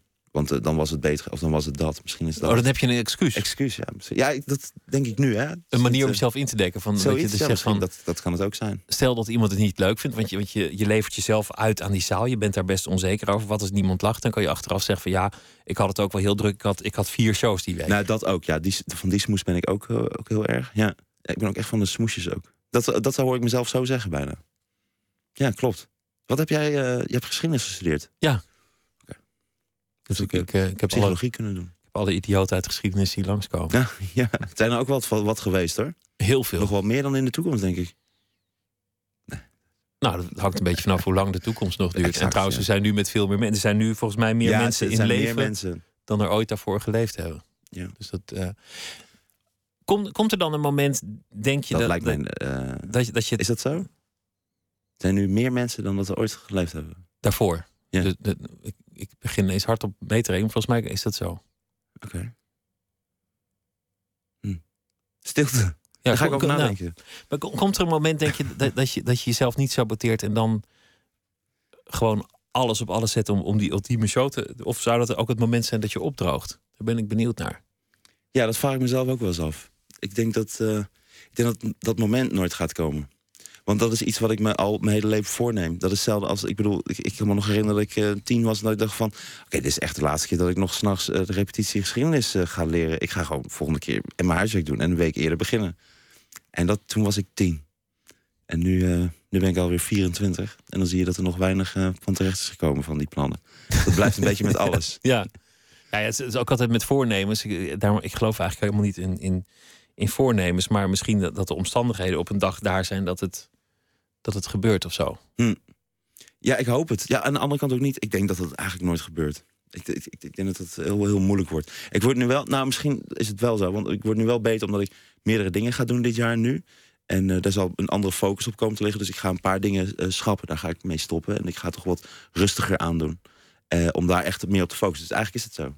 Want het grappige is dat, dat de, de laatste jaren, ik weet niet wat precies het, het moment is geweest, maar toen, toen nam het een vlucht. Want je was eigenlijk al tien jaar aan het buffelen met optredens, met, met het schrijven van teksten voor programma's, met tien jaar lang hard aan het ploeteren aan je vak. Ja, ja Met, omdat, met maar- relatief niet ja, maar zonder enorm. gedachten eigenlijk hoor. Want je, ik, je, je, kunt, je gaat in één keer zoveel verschillende dingen doen. Want je, in één keer werk je voor Dit Was Het Nieuws, terwijl je er altijd naar keek. En, eh, en, en zo kom je weer met die in contact. Zo kom je bij comedy trainen. Zo, kom je, zo gebeuren er allerlei dingetjes. En voor je het weet is er tien jaar voorbij. En ik heb wel heel lang volgehouden van... ik, eh, ik hoef nog geen tv of ik hoef nog dat allemaal niet te doen. En toen kwamen dat soort dingetjes langs. En eh, ook televisiedingetjes. Toen ben ik dat toch ook wel echt gaan doen. Dat vond ik ook heel erg leuk. En ik ben ook bezig. Ja, ik, ik schrijf veel. En ik... eh, eh, ja, ik heb veel plannen. Ik wil ook veel, echt films gaan schrijven. Me daarop toeleggen. En ik wil eigenlijk heel veel verschillende dingen doen. En dat is nu eigenlijk ook aan de hand. Ik heb op zoveel verschillende dingen ben ik eh, mijn best gaan, of mijn best gaan doen, ben ik gaan doen. Omdat ik dan ook, dan blijft ook variatie. En dan kun je altijd weer iets anders doen. Maar al die dingen gaan allemaal eigenlijk heel erg goed. Dus op een gegeven moment moet je ook echt keuzes maken van... oké, waar- waar ga ik mijn hele ziel en zaligheid in stoppen? Dat was precies wat ik wilde vragen. Want als, dan dacht ik op een gegeven moment begint, dan, dan, dan moet je niet, wel hè? gaan selecteren. Want er komt zoveel op je af en iedereen eh, wil, wil je kop zien en iedereen Ja. wil, wil wat van je. Ja, ja daar word ik, ik word nu ook beter in nee zeggen bijvoorbeeld. Dus, eh, dus ik, ik moet nu beter. En, eh, Heb je een agent of zo? Of iemand die dat ja, voor je nee, ik, doet? ik zit Ja. bij, eh, bij Bunker Theaterzaken. En er zijn allemaal hele lieve mensen die heel goed voor mij zorgen. En mij ook een beetje wat doorkrijgen. Maar die worden ook wel een beetje gek van mij. En dat vind ik eigenlijk ook wel jammer. Dat ik, waar ik, het enige waar ik van schrok is dat ik op een gegeven moment toen ik net comedywereld ontdekte. Toen dacht ik van, ik ben thuis of zo. Ik ben eigenlijk met al die mensen zoals ik ook ben. En het enige waar ik eigenlijk van baal is dat ik dan ook nog binnen dat clubje ook nog een soort van buitenbeentje ben. Dus dat ben ik eigenlijk al mijn hele leven. En ook nog daarin ook weer. Dus ook weer net, net of weerder of anders of weet ik veel wat. Dat, dat vind ik soms wel een beetje jammer. Ik denk van, oh kut. Dat, eh, daar, daar- tussen die weirdo's ben ik nog steeds ook nog een weirdo. Maar ja, je bent wie je bent. en Je moet, Ja, trots precies, op je bent zijn. wie je bent. Ja, want ik bedoel, anders hadden ze... Kijk, als je, als je in, in deze... Als je nu jong was geweest, hè, een jaar of tien, dan zouden ze je Ritalin geven. Ja, ik Dan ben zouden gewoon- 23, dus ik ben nog steeds, ik voel me niet oud. Nee, maar dan zouden ze zorgen dat je, dat je gewoon wordt als de rest. Ja, of, ik, ik denk dat, ik echt zo'n, eh, ik, ik denk dat ik echt shocktherapie had gehad. Ik denk dat ze dat op mij hadden gedaan. En zo'n gaatje in mijn, in mijn, Gewoon een, vastgebonden. voorhoofd. Maar je zei, net, rustig van te worden. je zei terloops dat je eigenlijk ook wel ambities hebt in, in andere richtingen. Van, eh, ja, eh, film misschien wel film, dingen. Ja, heel erg leuk. Ontzettend leuk is dat. Dus het is niet zo dat, dat, je, dat je hoopt op, nou ja, weet ik veel, de, een, een Freek de Jonge, Joep, Joep van het Hek-achtige carrière. Van oh, misschien op een dag carré. Het, het gaat veel breder. Oh, je- zeker wel. Ja, nee, dat wil ik ook. Dat eh, behoort ook tot, eh, tot de droom, absoluut. Maar er zijn er wel meerdere. Ja, ik wil ook echt een, echt een film schrijven. En dan wil ik ook, ook, eh, ik wil ook internationaal succes met dat soort dingen. Dat, eh, dat wil ik ook. Dus niet met theater, maar wel op, op, op die manier. Dan vind ik het heel leuk wat nu aan de hand is. Je ziet nu de, de, de, de mogelijkheden zijn nu zo. Het gaat zo snel. Er is zoveel. Je kunt met zoveel camera's. Mensen kunnen nu, als je nu ziet wat mensen alleen op hun telefoon al kunnen doen. Aan, aan fucks en aan dingen. En dat wordt ontzettend interessant. Dat gaat echt eh, heel groot worden. En op die manier kun je ook wat snellere dingen maken en sketches. En dat, dat vind ik heel interessant. Daar ga ik me ook zeker mee bezighouden. En ook het bedenken van programma's vind ik ook leuk. En onderdelen voor programma's. En net zoals met, bijvoorbeeld met Coyones. Dat is ontzettend leuk om daar zo dichtbij betrokken te zijn. En, en dat je zoveel dingen mag doen. We krijgen, alles is mogelijk. Je mag, je mag alles uitproberen en, en experimenteren. Dat is ontzettend interessant en heel erg leuk. Kortom, je barst van de energie en je hebt, je hebt ontzettend veel ambitie. Je, je zei net iets over je ouders, afgezien van de glasverzekering. Namelijk dat ze, dat ze met. Dat je je moeder niet hoeft, die hoefde niet naar huis te schrijven, want ze keken al en ze zaten met, met open mond te kijken naar van wat, wat, wat ge- gebeurt er nou? Nou, het staat even, waarom zeg je dat nou? Waarom doe je dat nou? Maar ze vonden het ook wel grappig hoor. Maar ze moeten er ook om lachen dat ik voor lul sta. Dat vinden ze ook niet, eh, niet erg. Volgen ze alles wat je doet en, Ja. en, en eh, zijn ze heel betrokken bij Heel betrokken, loopbaan? ja. En ik vind het enige wat ik nog moeilijk vind is dat zij... Ik denk dat zij eigenlijk nog maar een paar optredens van mij hebben gezien. En dat is toch een beetje onder lichte dwang. Omdat ik eigenlijk nooit wilde dat ze kwamen kijken. Ik wil echt dat ze komen kijken zodra ik in vol carré sta. En eh, alleen dat duurt nog zo lang. Dat, eh, dat ze tussendoor toch een paar keer zijn kijken. Maar daar blijf ik er altijd eh, ongemakkelijk mee. En zij ook. Ze- Maar ze, ze hebben nooit gezegd van, goh, die, die rechtenstudie laat je nou gaan naar één zo'n optreden in een klein clubje, waar ben je mee bezig? Nee, mijn ouders hebben altijd alles. wij, zijn echt extreem verwend. En wij, wij, mochten alles doen wat we wilden. En ze steunen ons in alles wat we, wat we ook doen. En dat, is, dat doen ze nog steeds. En dat blijven ze altijd doen. En ze vinden alles leuk. Dus niet alles. Ze zijn ook wel vaak teleurgesteld door ons. Maar nee, ze vinden het allemaal heel erg leuk. En vanaf het begin al. Dus eh, Je noemde jezelf eh en passant een, een verlegen jongen als, als jonge man en een, een weirdo. Je zei ik was altijd al een drukke weirdo, maar ik was eigenlijk ook altijd heel verlegen. Dus nou, eigenlijk wat ik een beetje maskeerde met eh, net te doen of ik totaal niet verlegen was. dat is echt waar. Dus je, ik was echt aan het overschreeuwen was je Ja, ook dat. Ja, gelijk een soort muur van hey, ik ben dit en dat. En ik ben eh superstoer en dat en dat. En dat, dat valt wel mij. Is het dan zo dat, dat, dat, dat je jezelf ook bevrijdt zodra je dat podium oploopt? Omdat je dan Ja. dat je daar eigenlijk ook, ook als een vis in het water bent ja, daar voel ik me eigenlijk op het prettigst. Dus eh, voor zo'n zaal. ja. ja, ik voel me daar heel erg op, een soort van op mijn gemak bij. Terwijl ik er ook zenuwachtig voor ben. Toch voel ik me totaal op mijn gemak daar. Als het lukt, tenminste. Want ja, je zei als het net niet al- lukt. Ja, ook, ook nog op mijn gemak. ja, ja dus ja. Dat is, waarschijn- dat is waarschijnlijk ook waarom het zo'n beslissend moment was. Dat je, dat je, dat je voor het eerst op ja, een ik podium vond, dacht. ik vond wel inderdaad iets, eh, ik vond iets wat ik miste of zo. En wat ik ook niet wist dat dat eigenlijk kon of zo. Dat dat, dat, dat eh, ja. ja als je, wat ik al zei, als je achteraf kijkt, denk van, het zat er ook wel dik in. Maar dat, dat was wel een soort openbaring van, oké, je kunt hier gewoon op het podium gaan staan. Ik ken het wel van Amerika. Ik wist helemaal niet dat het in Nederland kon. Dat je gewoon een podium op kon. Dat er dan mensen zitten. En, eh, en, zo, ging dat. Ik ken de comedy train ook helemaal niet. Maar wel natuurlijk alle comedians van comedy train. En eh, Theo en dingen. En eh, Hans Theo en weet ik wat. Maar nooit, eh, nooit geweten dat, dat je daar zo... dat je dat kon doen. Ik dacht, het gaat allemaal via theaters. Tenminste, dat dacht ik niet eens. Dat wist ik veel hoe dat, hoe dat ging. Je vertelde toen bij, bij Pauw dat, dat Guzman dreigde om iets wat, wat hij wist over jou en je vriendin naar buiten Oh, te heel brengen. veel dingen, ja, ja, ja. En toen zei maar net, dat, dat is maar een ook klein gebeurd. onderdeel, eh, onderdeel daarvan. En toen vroeg Paul, die, die vroeg van, wat dan? En toen zei, toen zei hij van, nee, dat, dat mag mijn vriendin niet weten. Eh, nee, ik zei volgens mij mannen dingen. Ja, domme dingen. Maar ik, ik bedoel, eh, eh, andere mensen die ken ik ook, ja, die kennen mij. Ja. Ik, ik, ik, eh, vrienden van jou weten ook dingen van jou die je ook liever niet eh, wil dat anderen dat weten. Nee, maar Ja, ik moest, ik soort- moest zo lachen op dat moment. Want, want als je op tv zegt dat je een geheim hebt voor je vriendin... dan, dan kom je natuurlijk al thuis in, een- in, een, in een koude kermis. Eh, nee, maar ehm, alle problemen waar dat een onderdeel van was, maar er zijn nog wat meer vervelende dingen. eh, dat was natuurlijk al zo, omdat. ehm, eh, ja, dat, dan krijg je toch weer een heel lang verhaal. Maar er was ook gedreigd van daarmee. Van als je, hè, dus als je moeilijk gaat doen of als je bla bla bla. Er is heel veel geschreeuw. Er zat ook ontzettend veel drugs en drank in het spel. Eh, van, eh, nou dan zullen, we- zullen we zorgen dat mensen dat allemaal weten. En ik heb meteen aangifte gedaan. Alleen omdat ik ook niks horen of weet ik veel wat. Dat is ook allemaal gebeurd. Dus dat hebben ze ook gedaan. Dus ja. Maar ze is er wel bij je. Mijn vriendin is absoluut bij mij, ja.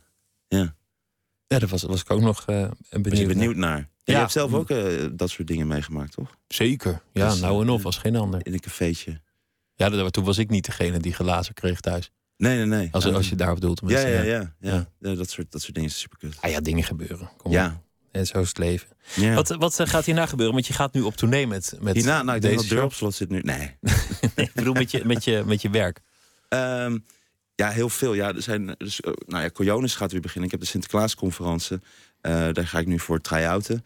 En dan eh, komen er nog, nog wat spannende dingen die ik nog niet kan vertellen. Dat is een geheim. Oké, je bent dol op geheimen. Ja, nee, inderdaad. En Ja. ja. ja, dat wordt heel erg cool. Dat is het enige wat ik eigenlijk kan zeggen. En daar ben ik heel erg druk mee, ga ik daar zijn. En dan, dus we zijn nu ook een beetje om te kijken hoe we dat in de theaters dan gaan doen. En dan komt het volgende programma er ook weer aan, Koning van de Lach. Wordt waarschijnlijk ietsje later dan gepland. En eh, ja, er komt nu zoveel aan dat ik het even niet kan overzien wat er eh, staat. Kortom, ja, het het wordt- vraag. Ja, ik kan er geen antwoord op geven. Het wordt een lekker, lekker ja, het wordt echt heel cool. Ja, er komt in ieder geval echt supercool eh nieuws wat, ik, wat ik ga doen. Dus dat is echt heel erg cool. was leuk dat je er was. cool. En, Ik vond het heel erg leuk om te zijn. Ook zeker op Koningsdag. Ja, en heel veel succes met alles wat je gaat doen. En Dankjewel. eh, Ja, ja leuk. Nou. Ik kom, zeker, ja, zeker kom ik een keer terug. Leuk, leuk als je dat je vraagt. Graag. Gaaf. dankjewel. Ik, ik ga nooit meer slapen. Ik ga wel weer slapen straks. Ik ook hoor. Ja. Martijn Koning, dankjewel. En eh hele goede nacht en een goede reis eh, terug. Zometeen gaan we het onder meer hebben over eh, de verhouding tussen W.F. Hermans en de monarchie. Hoe warm was die verhouding eigenlijk? En Gerard van Emmerik die schrijft een verhaal. Of hij heeft het waarschijnlijk al geschreven. En dat zal hij na één eh, voordragen over de afgelopen dag. En we gaan het ook hebben over de renovatie van een flat. Want dat is het onderwerp van een debuutroman van Robert van Eijden. Twitter, het VPRO NMS. Of via de mail nooit meer slapen, VPRO.nl.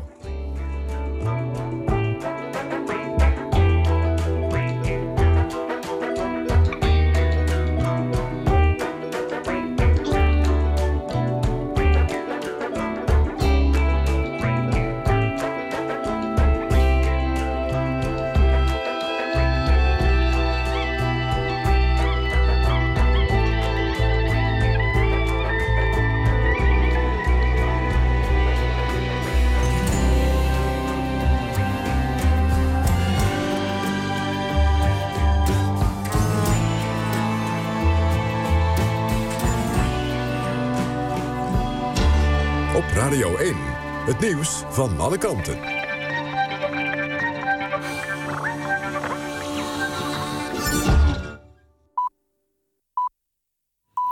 1 uur, Jan van der Putten met het NOS-journaal. In de Amerikaanse stad Baltimore zijn bij rellen tussen jongeren en de politie... zeker zeven politiemensen gewond geraakt. De ongeregeldheden braken uit na de begrafenis van Freddie Gray. Een zwarte man die eerder deze maand bezweek... nadat hij door de politie zwaar was mishandeld. De jongeren gooiden in het noordwesten van de stad stenen naar politieauto's en een bus. Ook werd er brand gesticht.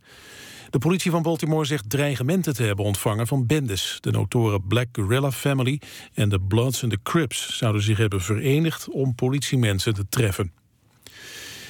Het leger van Niger heeft een strategisch eilandje in het Tjaadmeer heroverd op Boko Haram. Enkele dagen geleden werd de legerbasis op het eiland aangevallen door honderden islamitische strijders. Meerdere militairen kwamen daarbij om het leven. In februari deden ze ook al een poging om het eiland te veroveren. Niger sloot zich eerder dit jaar aan bij de strijd tegen Boko Haram. De terreurorganisatie was al jaren actief in Nigeria, maar pleegt tegenwoordig ook aanvallen in landen als Niger en Kameroen. De eerste Nederlanders die de aardbeving in Nepal hebben meegemaakt zijn teruggekeerd. Een groep van 16 wandelaars was de grote drukte op het vliegveld van de hoofdstad Kathmandu voor. Via SOS International zijn nog eens acht Nederlanders gerepatrieerd. Bij de aardbeving in de Himalaya zijn meer dan 4000 mensen om het leven gekomen. Er zijn geen berichten over Nederlandse slachtoffers van de aardbeving. Telefoon- en computerfabrikant Apple heeft in het eerste kwartaal 33% meer winst gemaakt dan een jaar geleden. Apple verdiende 12,5 miljard euro. Vooral de nieuwe iPhones leverden veel geld op. Van de nieuwe modellen werden er meer dan 61 miljoen verkocht. Ook werden er meer laptops verkocht, maar de verkoop van iPads daalde. Dan nog het weer. Vannacht koud, minima tussen plus 2 en min 3. Komende ochtend in het westen enkele buien. In het oosten zon, later in het oosten buien en in het westen zon. Het wordt 10 tot 12 graden. Dit was het NOS Journaal. NPO Radio 1. VPRO. Nooit meer slapen.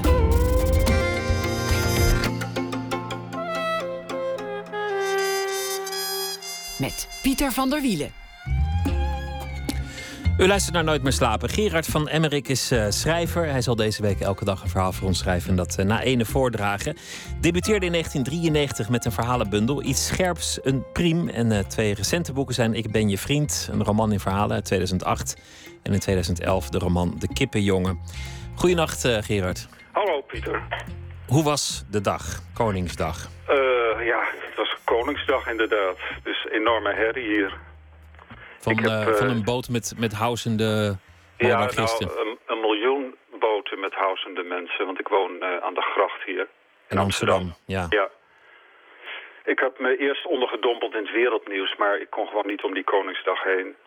Dus Maar het was, het was toch, ik had het er net ook al over eh, met, eh, met Martijn Koning. Het, het, het was toch wel mooi, die nieuwe vormgegeven. Die, ik vond die boten indrukwekkend.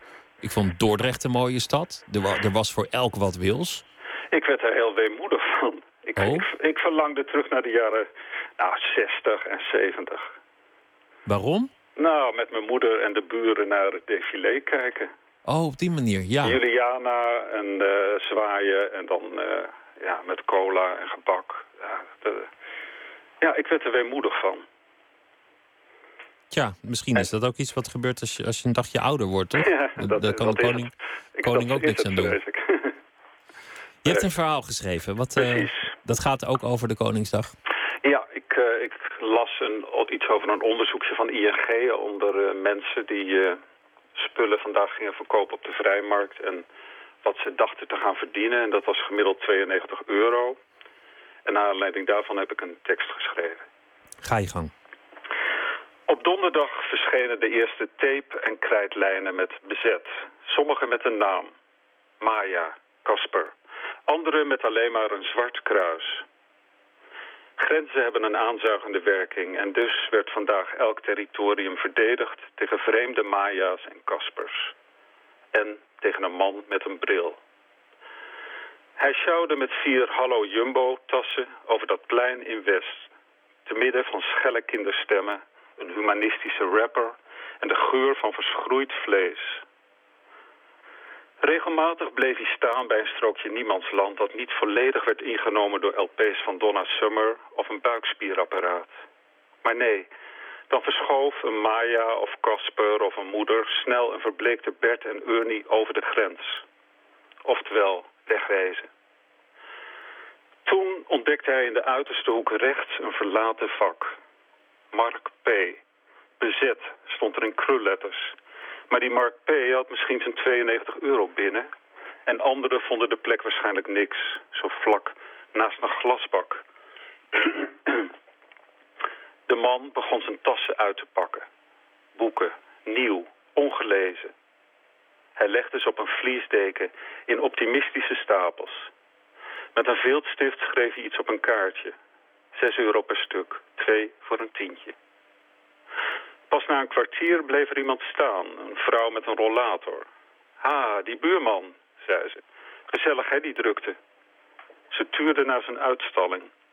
Zijn die nou allemaal van u? U hebt er toch maar eentje geschreven? Nee, acht, zei de man. Vier verhalenbundels, drie romans en een novelle. Goh, zei de rollatorvrouw. Leuk. Die ene heb ik toen gekocht op die, hoe heet het? Presentatie, zei de man. Het was toen van dat mooie weer, zei ze, dat weet ik nog. En al die toespraken en die bitterballen. Heel goed verzorgd. De man knikte. Hij herschikte de hoogste stapel tot twee meer realistische. De vrouw zweeg. De man keek alsof hij ergens op wachtte. Misschien op een paar woorden over dat gekochte boek. Op die goed verzorgde presentatie. Lang geleden. Mijn neef, zei de vrouw, die schrijft ook boeken. Ze spelen in Noorwegen, thrillers. Hij is ermee op tv geweest en zijn laatste, die, eh, nou, die gaan ze verfilmen. Ze draaide haar rollator een kwartslag. Ze leek te aarzelen. Boog toen naar voren en pakte zijn novelle. Ze bekeek de achterflap. Mooie foto van u, zei ze. En daarna legde ze hem voorzichtig terug op de stapel. Een wonderlijk fenomeen, de, de vrijmarkt. ik, eh, ik liep in mijn woonplaats langs eh, toch ook een soort vrijmarkt. Gewoon op, op weg naar het café om, eh, om koffie te drinken. En wat een rotzooi kunnen mensen verkopen. Verschrikkelijk. Ik bedoel, ik zag het liggen. I Ik dacht, nou, Alex, I, I love Alex bierviltjes. ik dacht, ik snap dat je er vanaf wil. Maar, maar loop gewoon netjes naar de container in plaats van er nog geld voor te vragen. Ja, maar deze boeken die... Ja, dat, dat, is, dat zijn echte boeken. Kijk, een, Ja, boek, een boek dat is een boek. Een, bo- een maar boek- ik heb bijvoorbeeld Camus gekocht voor 20 cent vandaag. Welke? L'étranger. Nou, dat is toch mooi? Ja. 20 cent ja. voor een meesterwerk. Ja, ja. Dat is, dat is geen geld. Nee. Zou jij ooit een boek, een boek weggooien trouwens? Omdat dat ze altijd zeggen waar boeken branden volgen mensen en dat soort Eh. plechtige dingen. Gooi je wel eens boeken gewoon in de prullenbak? Ehm, ik heb één keer een boek weggegooid. Ja, dat ik dubbel had en dat helemaal uit elkaar viel. Maar nee, ik vind het eigenlijk een misdaad. Een boek weggooien is een misdaad. Maar ja, als je, ik bedoel, je kan ze ook niet allemaal bewaren. En als je ze ook niet meer wil lezen en niemand wil ze op de vrijmarkt kopen, wat, moet je er dan mee? Ja, onder de kast of achter de andere stapel. Oké, Achter de andere rij boeken kan maar toch maar en, maar en, en dan op een dag zullen jouw erven denken van wat moest die van Ja, Emmerik dat- met al die boeken? Ja, daar zie ik wel tegenop. Als ik eh, over 40 jaar of zo dood ga, dan ga ik eerst over 39 jaar mijn kasten leeghalen. Want dat, ik, eh, dat kun je niet maken eigenlijk. Nee, ik zag wel een paar boekenkramen, daar heb ik dan nog een beetje gekeken, maar ook daar wat een rommel zeg. Hoe, hoe dat je het ooit gelezen hebt en dat je het dan nu nog probeert weg te doen voor geld. Ja, ja. Nou goed, alles voor de monarchie. Het was een gezellige dag. Gerard van Emmerik, dankjewel. ja, tot morgen. Tot morgen. Dag. Denai Morris, een Britse zangeres van Jamaicaanse afkomst, schrijft al muziek vanaf haar zevende jaar. Is nu net eh, twintig, een eerste album. De titel daarvan is Elsewhere en het liedje heet Never Gone.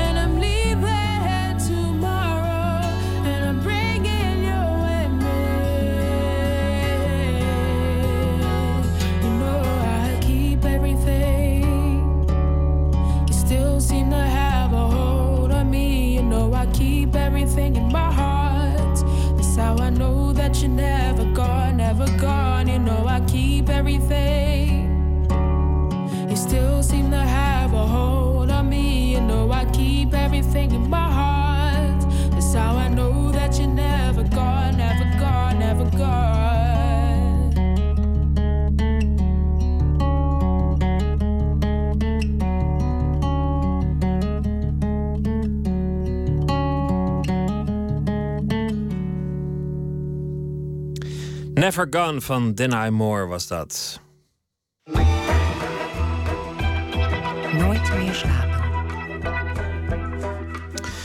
Robert van Eyden is de hoofdpersoon van eh, de eerste roman van Robert van Eyden. De titel daarvan is Boek, 256 bladzijden. Daarin treffen we hem aan de vooravond van een grote verbouwing van zijn flat. Het kleine, overzichtelijke leven dat zich voornamelijk binnen de muren van dat appartement- afspeelt, wordt daardoor bedreigd. Maarten Westerveen die zocht Robert van Eyden op in het bewuste appartement. En samen keken ze eerst naar de wetten, de regels en richtlijnen die Van Eyden opstelde voor het schrijven van deze roman.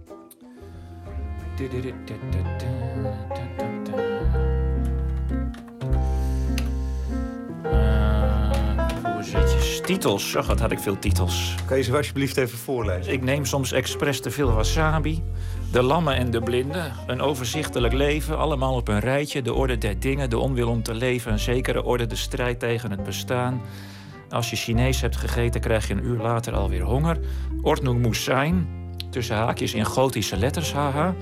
Grof vuil, raften op de Zambezi. Het boek van weg en deugd. Ik blijf liever thuis, alles in orde. Nog een keer een overzichtelijk leven. Dat vond ik blijkbaar een hele goede. Sorry, Wuppie, het achterhuis 2.0. Hoofdstuk 1. Wat gaat er gebeuren? Vrijdagmiddag kwam de man van de woningbouwvereniging op bezoek om over de op stapel staande renovatie van mijn flatwoning te praten. Ik nam aan dat ik het zoveelste adres was dat hij die dag bezocht. Geroutineerd verborg hij zijn minachting voor mijn gordijnen met pindakaas, schimmelvlek, mijn laagpolige tapijt en mijn meubilair dat ik zorgvuldig bij elkaar heb gescharreld van het grof vuil. Zelf zag de man van de woningbouwvereniging er met zijn gekamde haren en zijn confectiepak succesvol uit. Alsof hij al sinds zijn geboorte in een appartement met kookeiland, eikenhouten vloer en designradiatoren woonde. Van boven tot onder en van links tot rechts geïsoleerd, zodat hij niet de leef- en sterfgeluiden van acht verschillende buren hoefde te horen. Ik wilde hem het liefst neerschieten, maar bij gebrek aan moed en een pistool gaf ik hem een glaasje espresso, zonder koekje. Zelf nam ik ook een espresso. Het mocht. Ik had er die dag pas eentje op. Dat eh, zet meteen eh, even de toon, dacht ik. Robert is een slacker. Een man die, die genoeg heeft aan de wereld die om zich heen geschapen heeft. Daar ook eigenlijk tevreden in is. Laten we, het, het is niet, deze Robert is geen ongelukkige man. Dit is niet een man die gered moet worden of zoiets. Nee, dat klopt. En het is ook niet iemand die eh, de hele wereld afreist op zoek naar eh, zingeving. Eh, daarvoor heb ik het karakter Palma geïntroduceerd in het boek, die eigenlijk precies het tegenovergestelde is van mij. En dus eh, eh, niet tevreden is met de wereld waarin hij leeft en steeds op zoek is naar meer. Maar dan is de vraag, waarom zou, je dan nog een, waarom zou deze Robert dan nog een boek schrijven? Eh, om dit wereldbeeld ook eens uit te dragen. Ik denk dat dat nog vrij weinig aan bod komt. In alle boeken ondernemen mensen maar reizen naar vijf continenten tegelijkertijd. En het leek me wel eens interessant om een boek te schrijven.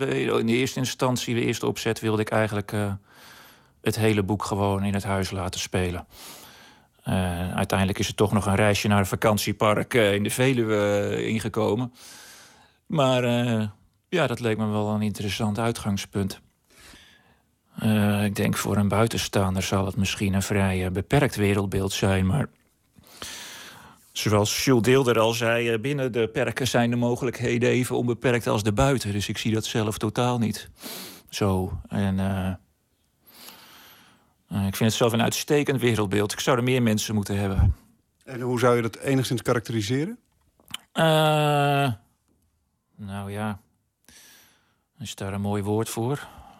Het is wel vrij eh, gesloten, maar zoals jij al zei, geloof ik, of verzin ik dat zelf, eh, het is een boek van iemand die genoeg heeft aan zichzelf. En eh, zo is mijn wereldbeeld, denk ik, ook een beetje. Voor mensen die misschien eh, zich, af, zich afvragen wat dat dan is. Je, je kan eigenlijk in een zekere zin denken aan Jeffrey Lebowski uit eh The Big Lebowski. Een man die een, een, een weinig groots of ambitieus wereldbeeld heeft. ehm, maar daarin eigenlijk in volkomen rust is. En ook, ik mag eigenlijk zeggen, gelukkig. Want dat is eigenlijk het eerste wat je... Het moment dat we, eh, dat we jou, Robert, aantreffen, of jou aantreffen... is deze man eigenlijk eh, volkomen gelukkig. Er is geen reden om een reis te ondernemen. Er is geen vraag naar groei. Het, het, het, is, het is bijna zen. Ja, is, eh, zelfs de grote zenmeester Lao Tse wordt er nog in geciteerd. Maar we moeten niet overdrijven met dat volkomen gelukkig, denk ik. Want ik vind leven nog steeds heel zwaar. En moeilijk en lastig. Maar eh, ja, dat komt ook aan bod in de eh, diverse confrontaties... die ik, eh, net als in het echte leven, heb met gewone mensen. Bij de bakker of eh, op straat. In de kamer van ruim 9 vierkante meter maakten we de afspraak dat ik maandag bij hem thuis het huurcontract zou komen tekenen. Daarna deed de huisbaas de balkondeur op slot en liepen we de twee trappen af. Op de eerste verdieping passeerden we een keuken die mij op de weg omhoog was ontgaan. Dit is de keuken, zei de huisbaas. Die deelt u met drie andere bewoners. Oké, zei ik. Door de openstaande keukendeur zag ik een vloer die bijna voor de helft was gevuld met vier rode boodschappenkratten. Op elke krat zat een naambordje. Drie van de vier kratten waren gevuld met vuile vaat. Ik rook currysaus en aardbeienvla. Ik lees zelf ook altijd graag boeken over. Je zat net al in mijn boekenkast te loeren. Over hoe mensen zich door het leven heen slaan. En eh, daar gaat dit boek ook over. Ik heb er bijvoorbeeld een half leven over gedaan. Eh, ik ga dan wel eens naar de bakker. En dan zegt het meisje van de bakker... eh, het is mooi weer vandaag. Het heeft me dus een half leven gekost om erachter te komen dat je daar wat terug moet zeggen. Dus toen heb ik een zinnetje uit mijn hoofd geleerd. eh, ja, het trok vanochtend nog fris op, maar de zon is er nu al aardig bij. Nou, dan is iedereen tevreden en dan krijg je je brood en dan kun je weer je weg vervolgen. Dat soort dingen. Dat leer je dus niet op school. Ik zou willen dat ik dat op school geleerd had, maar eh, ik weet nu wel alles van goniometrie en eh, staartdelingen. Maar daar heb je feitelijk niet zoveel aan. Ik, ik zit hier te lachen, eh, omdat ik het... nou, als je het zo vertelt, is het heel grappig. Het is eigenlijk heel treurig. Ik hoor van heel veel mensen dat ze mijn boek hilarisch vinden. Maar zelf hou ik het niet droog bij bepaalde passages. Dus zo hilarisch is het allemaal niet. Omdat, omdat nee, nou, dat vind ik interessant, want je zegt dat. Maar tegelijkertijd blijkt je, kan je dus wel dus op zo'n manier naar kijken... dat er dus meer is dan alleen maar direct leed. Ja, er is heel veel direct leed. Er is ook nog indirect leed. Dus dat heb ik ook meegepakt. Eigenlijk alle leed zit erin. En eh, toch eh, ga ik maar eh, dapper door naar eh, de laatste pagina. Ik kijk veel naar Comedy Central, zoals je gelezen hebt in het boek. En eh, daarom eh, beschrijf ik de, de treurige dingen ook op een grappige manier. Want als je ze op een treurige manier beschrijft, dan schiet je denk ik je doel voorbij. Ik kijk graag naar Seinfeld bijvoorbeeld, over innerlijke groei gesproken. Die hadden als, als basisregel, ik had natuurlijk ook een aantal basisregels voor mijn boek. In het document De Wetten had ik opgesteld. En eh, daar zit dus ook bij dat eh, geen enkel personage groei mocht doormaken. Net als bij Seinfeld hebben ze de regel dat geen enkel perso- personage iets mocht leren van de gebeurtenissen. Eh, Geen hugs, die komen bij mij ook niet voor. Er moest ook veel eenzaamheid in het boek zitten. Dat is me ook aardig gelukt, denk ik. Er cirkelden wat vliegen om de etensresten heen. En gedurende een halve seconde dacht ik dat er in de hoek van de keuken een aasgier zat. Maar dat bleek een verfrommelde grijs-witte dweil op een rekje van zwart wrakhout te zijn. Naast de prullenbak en de koelkast stond een twee meter hoge kuifje-raket naar de maan die een douchecabine moest voorstellen. De douchekop stak er aan de bovenkant uit. Aan de onderkant, op de keukenvloer, lag een plasje water dat doorliep tot aan de kratten. Zou ik ook zo'n krat met naambordje krijgen wanneer ik hier kom wonen? vroeg ik me af. Het is niet zo eervol als wanneer er een straat of een plein naar je vernoemd wordt, maar toch, zo'n naambordje op een krat vol vuile vaat is onmiskenbaar een erkenning van je bestaan. Of in ieder geval beter dan niets. Maakt het voor jou uit hoe mensen jouw boek lezen? Of ze het grappig vinden? Of juist, nou ja, eh, misschien ook het aantrekken zoals jij net het voor jezelf beschrijft? Als je het maar aan, aandachtig leest, dat vind ik al heel wat. Dat het, eh, dat het vlot leest, dat betekent niet dat je het ook vlot moet lezen, vind ik. Dus eh, neem er rustig de tijd voor. Eh, en dan maakt het me niet zoveel uit. Grijpt het je nu nog steeds aan als je, als je deze passages terugleest? Ja, nog wel. Ik heb het al een slordige 250 tot 350 keer gelezen natuurlijk en, en herschreven. Maar vooral de epiloog, dat is wel iets eh, waar ik trots op eh, ben. Die geeft het hele boek met terugwerkende kracht eigenlijk extra lading. Dan heb je 29 hoofdstukken met grappen en grollen gehad. Eh, een van de wetten uit mijn documenten wetten was dus ook dat er in de epiloog van maar 4,5 bladzijden trouwens geen grap mocht voorkomen. Nou, dat kostte me nog heel wat moeite, maar dankzij de firma Microsoft Word is me dat toch gelukt. En eh, dus ik hoop dat dat eh, bij de lezer ook maar zo overkomt. Daar heb je ook geen invloed op, hè? Ik doe wat ik kan. Meer kan ik niet doen. Over die bordjes was misschien wel een alinea opgenomen in het huurcontract, maar dat zou ik maandagavond vast wel merken. Hier in het huis was zo te zien niemand aanwezig aan wie ik het kon vragen. Iedereen is naar zijn werk, zei de huisbaas toen ik informeerde waarom het zo rustig was. Studenten wil ik hier niet. Die doen niks anders dan zuipen en lawaai maken. De meesten kunnen dit trouwens ook niet betalen. Ik vond het ook wel logisch dat mijn toekomstige huisgenoten allemaal naar hun werk waren. Ze moesten natuurlijk de hoge huur bij elkaar verdienen van de kamer die ze hadden gehuurd. Om dicht in de buurt van hun werk te wonen waar ze net genoeg verdienden om de hoge huur van hun kamer te kunnen betalen. Midden op de onderste trap bleef ik staan. Er moet een denkfout ten grondslag liggen aan dat systeem, dacht ik. Maar ik wist nog niet precies welke, want ik bevond mij er middenin.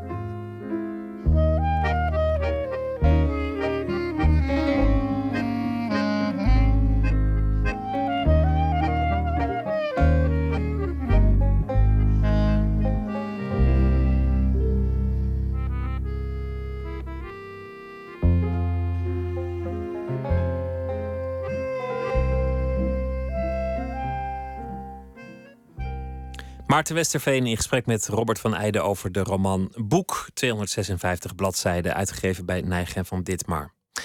De Britse band Blur, ooit eh, buitengewoon succesvol, heeft sinds 1999 eigenlijk eh, geen eh, plaat meer gemaakt. In de oorspronkelijke bezetting althans. Tot vorige week. Toen kwam ineens het nieuwe album The Magic Whip. Eigenlijk een achtste studioalbum dus.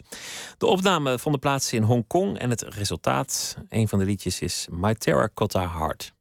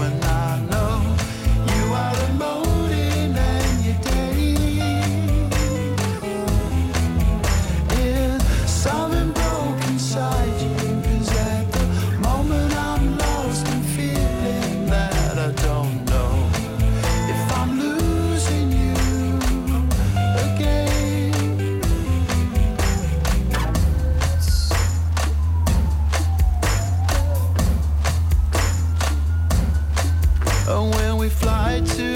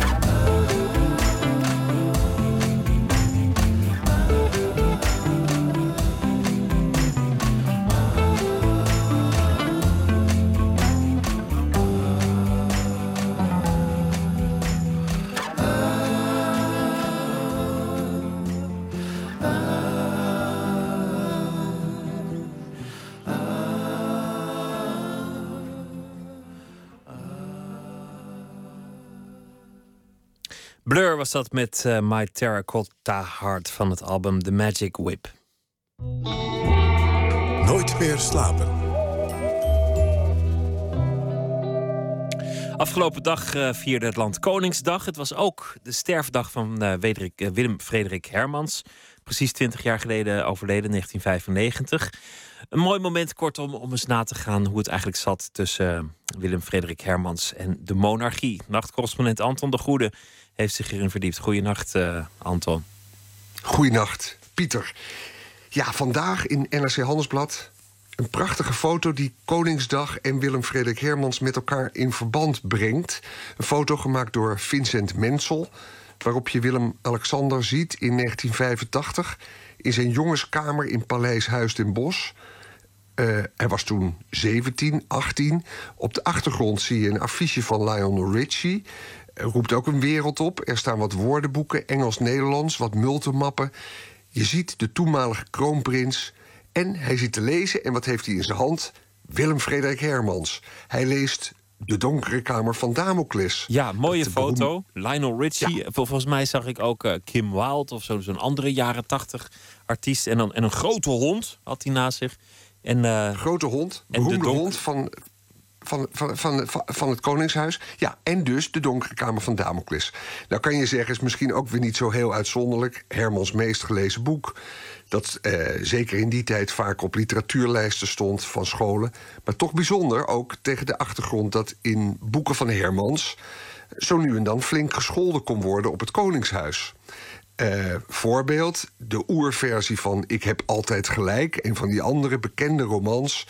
Daarin laat eh, Hermans Lodewijk Stegman, de hoofdpersoon, roepen... ik spuw op de hele boel, op jullie, op Sukarno, op de koningin, op alles. Ik scheid erop.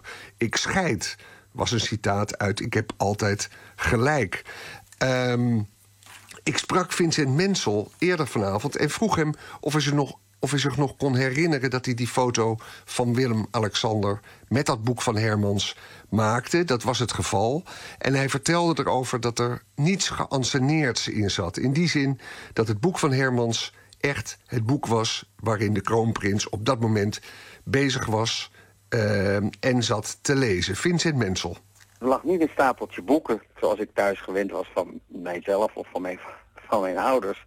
Waarin een hele serie boeken las, lag van nog te lezen boeken. Dus, en, en eigenlijk pas later realiseer je dat dat natuurlijk eigenlijk een bijzonder eh, moment was. Dat hij eh, als vanzelfsprekend die donkere kamer van Damocles van W.F. Hermans nam. Al dus Vincent Mensel over eh, ja, zijn foto. Die, die foto van eh, een jonge Willem-Alexander met dat boek van Hermans. Ja, overigens volgde Mensel dat Koningshuis langere tijd.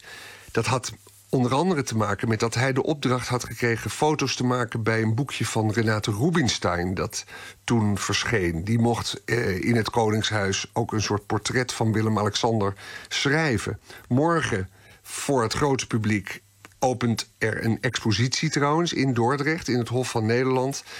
En Vincent Mensel heeft dus echt foto's aan het Hof gemaakt. En hem verbaasde het eigenlijk niet dat er eh, in het Koningshuis ook Willem Frederik Hermans werd gelezen. Dat is natuurlijk wel de kracht van de Oranjes. dat ze zich ook de kritiek eh, tot zich namen. En eh, geen, eh, dat niet onder stoel of bank staken. Dat ze daar ook kennis van namen. Dat ze niet hun ogen dicht deden. En, en ik denk dat dat, ja, net als Reven bijvoorbeeld, dat, dat was wel verplichte kost. Maar ook, waarom zou je niet lezen wat een, wat een andersdenkende over jou zegt en vindt? Ik denk dat dat alleen maar eh, rijpend is en dat zo'n jongen daarom later, zoals hij nu is, die koning geworden, eh, de kritiek kan verdragen. Ik bedoel, eh, zijn omgeving, ik weet niet of hij daar erg voor zorgt, voor jullie vrijers, maar eh, zoals ik vandaag zag, worden de borden omhoog gestoken, bijvoorbeeld van Leven de Republiek of de Republiek dit. Nou, ik denk dat je door het lezen van dit soort lectuur weet dat er wat meer op de wereld is dan alleen maar ja-knikkers om je heen en mensen die eh, proberen je weg te houden van de realiteit van de werkelijkheid en de werkelijkheid. Anton, nou is een beetje de vraag, want ehm, eh, er, ko- komen dan eh, oranje kritische opmerkingen voor in het boek uit de mond van personages. Maar was Hermans, toch een, toch een vrij conservatieve man, was die eigenlijk tegen de monarchie en tegen de oranjes? Hoe zat dat? Daar is niet zo heel veel van bekend. Ik ging vanmiddag daar eens eh, over te raden bij Willem Otterspeer, de biograaf van Hermans. En hij zei: is eigenlijk een grappige vraag die ik mijzelf nooit gesteld heb. Hoe keek hij eigenlijk aan tegen het Koningshuis? Ik gaf hem een half uurtje bedenktijd en hij ging eens wat bladeren in zijn eigen biografie. En toen kwam hij er eigenlijk achter dat Hermans eigenlijk best waardering had voor het Koningshuis. Eh, heeft eens een keer, dat is al wat, later in zijn, eh, in zijn leven, heeft hij het Koningshuis eh, onze nationale totem genoemd. Het was helemaal niet negatief bedoeld of zo. Hij vond alleen dat het wat meer geheimzinnigheid eh, aan moest kleven. Je moest namelijk een goochelaar ook niet, je moest geen inzage geven in de goocheltrucs van van, van een goochelaar. En hij wilde dus meer waardigheid en meer geheimzinnigheid. Want anders kon dat koninklijk, koninklijk huis zijn functie niet vervullen. Dus ik denk dat hij met de, met de huidige vorm van Koningsdag eigenlijk wel, eh, dat hij daar wel mee eens geweest zou zijn. Er was een of ander grappig stuk over eh, totem en taboe, geloof ik, van Freud. eh, waarin die maatschappij was maar bezig met dingen te ontmaskeren. En hij zei, je moet een koninklijk huis niet ontmaskeren, want voordat je het weet heb je een republiek en dan ben je nog veel verder van huis af. Eh, hij wilde dat koninklijk huis wilde die eh, een beetje beter oppoetsen. En hij wilde er een soort, eh, ik geloof dat hij het had zelfs over een waardigheidscommissie waarbij netjes gekeken werd welke bril de koningin droeg en welke grote schrijver de speeches schreef enzovoort. En een geheimzinnig fonds voor, voor als ze in financiële nood kwamen, dat soort dingen. Erg vrolijk. Ja, zo zie je Pieter. Hermans maakte wel drukte eh, om van alles en nog wat. En had hele scherpe kritieken en polemieken. En het ging bijvoorbeeld in een stuk van hem... King Kong over Prins Bernhard. Die speelde daar een rol in. En hij schreef ook over andere zaken waarbij het Koningshuis betrokken was. Maar als je nou goed eh, kijkt, zei ook Willem Otterspeer vanmiddag... eh, dan wond hij zich daarbij vooral op over het niet functioneren van de democratie. En over het niet transparant zijn van de politieke besluitvorming. als het ging om parlementaire onderzoeken. En eigenlijk. Terugkijkend, het Koningshuis vond hij, dat stond daar buiten. En dat stond wat hem betreft niet ter discussie. En toen ik dat vanavond weer tegen fotograaf Vincent Mensel zei... was deze het geheel eens met Willem Frederik Hermans. Nou, dat, eh, dat is een waarheid, dat is een koe. Want dat zag je vandaag weer natuurlijk. Dat, eh, waarom komt er zoveel volk op de been, behalve om te, te drinken en te feesten en je oude rotzooi te verkopen. Dat is natuurlijk om dat mysterie van, van dit merkwaardige fenomeen te, te, vieren. En ik denk dat W.F. Hermans als geen ander natuurlijk doorhad dat je dat moet koesteren. Nou, het is een, het een redelijk saaie boel, alleen maar met een president.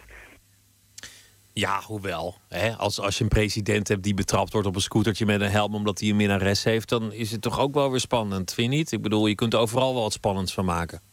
Zit niet in het systeem Ja. besloten hoe saai het is. Nee, maar vast staat in ieder geval... Hermans was verre van een republikein. En hij amuseerde zich ermee. Je kunt je ook afvragen in hoeverre... eh, ja, wat we net hebben geciteerd... daar ook weer enige ironie in zich had. Maar, maar toch, het was eh, iemand die het Koningshuis niet onwelgezind was... En een van in zijn laatste sterfjaar, hij is dus nu 20 jaar dood, zoals je net memoreerde, heeft hij nog voor het Multatuli-genootschap in Amsterdam een lezing gehouden. Waarbij Willem-Alexander een van de gasten was. En volgens ooggetuigen genoot Hermans daar enorm van. En verkeerde hij in, eh, in topvorm. En een hele mooie foto van eh Mensel nogmaals, van eh, Willem-Alexander met dat boek en die, en die hond en die poster van eh, Lionel Richie.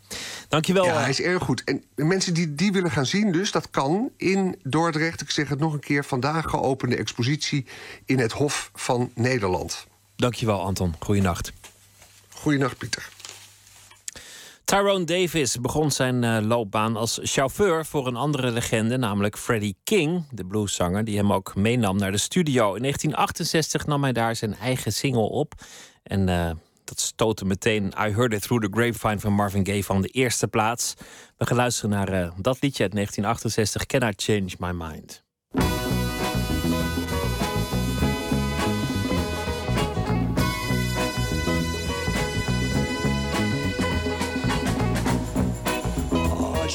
about an hour.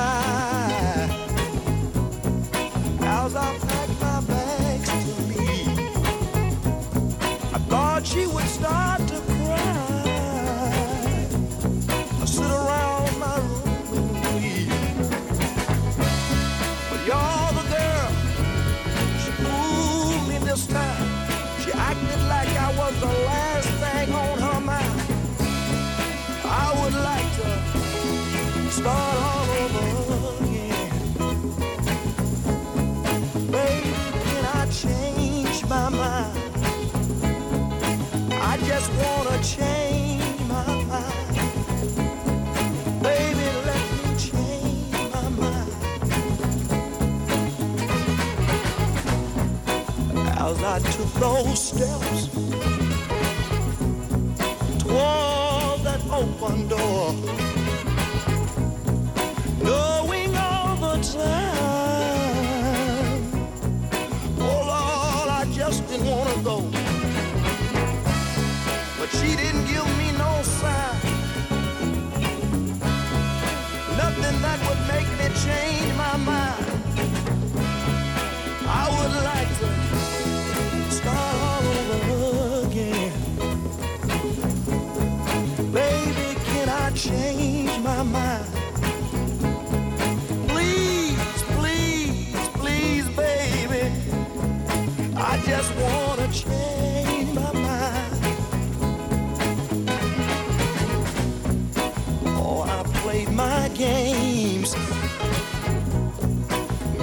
Times before.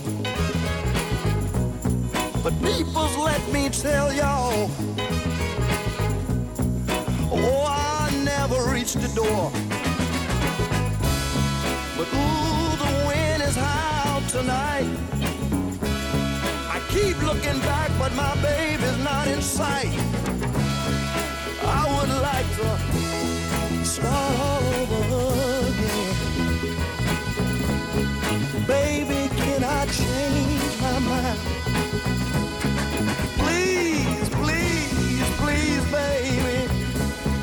Baby, let me change my mind.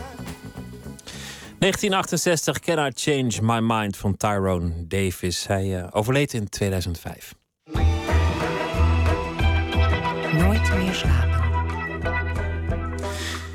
In het eh, niet al te grote museum in Huizen, zo'n eh 10 minuten van eh, Hilversum vandaan, stelt de schilder Harold Schouten een keuze van zijn waterwerken tentoon.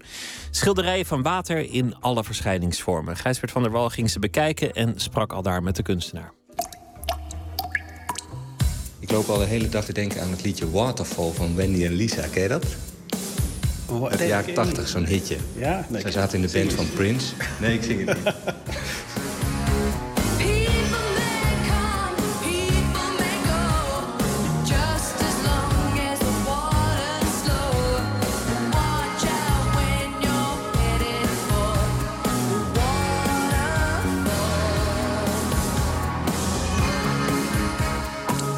liedje van Wendy en Lisa was in mijn hoofd komen hangen... omdat Harold Schouten al zo'n 20 jaar water schildert.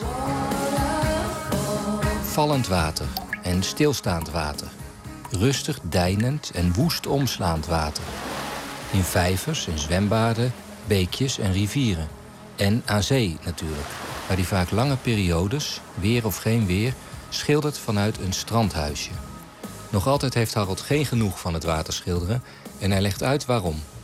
Nou, ik denk dat ik het interessant vind omdat het steeds, dat je toch steeds weer nieuwe dingen ontdekt. Hoe je het eh, beter kan grijpen, beter kan suggereren, beter dingen kan laten zien door ze misschien weg te laten of eh, dichter bij jezelf te blijven misschien wel.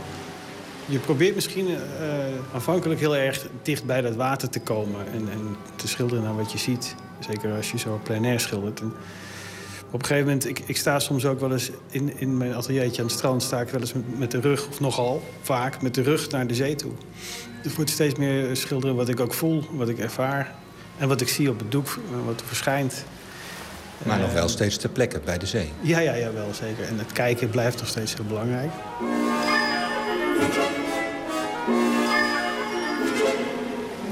Ja, maar ik denk dat een van de verworvenheden door het lang te doen, van het lang doen, is dat je steeds beter ziet eh, wat, wat je niet kan.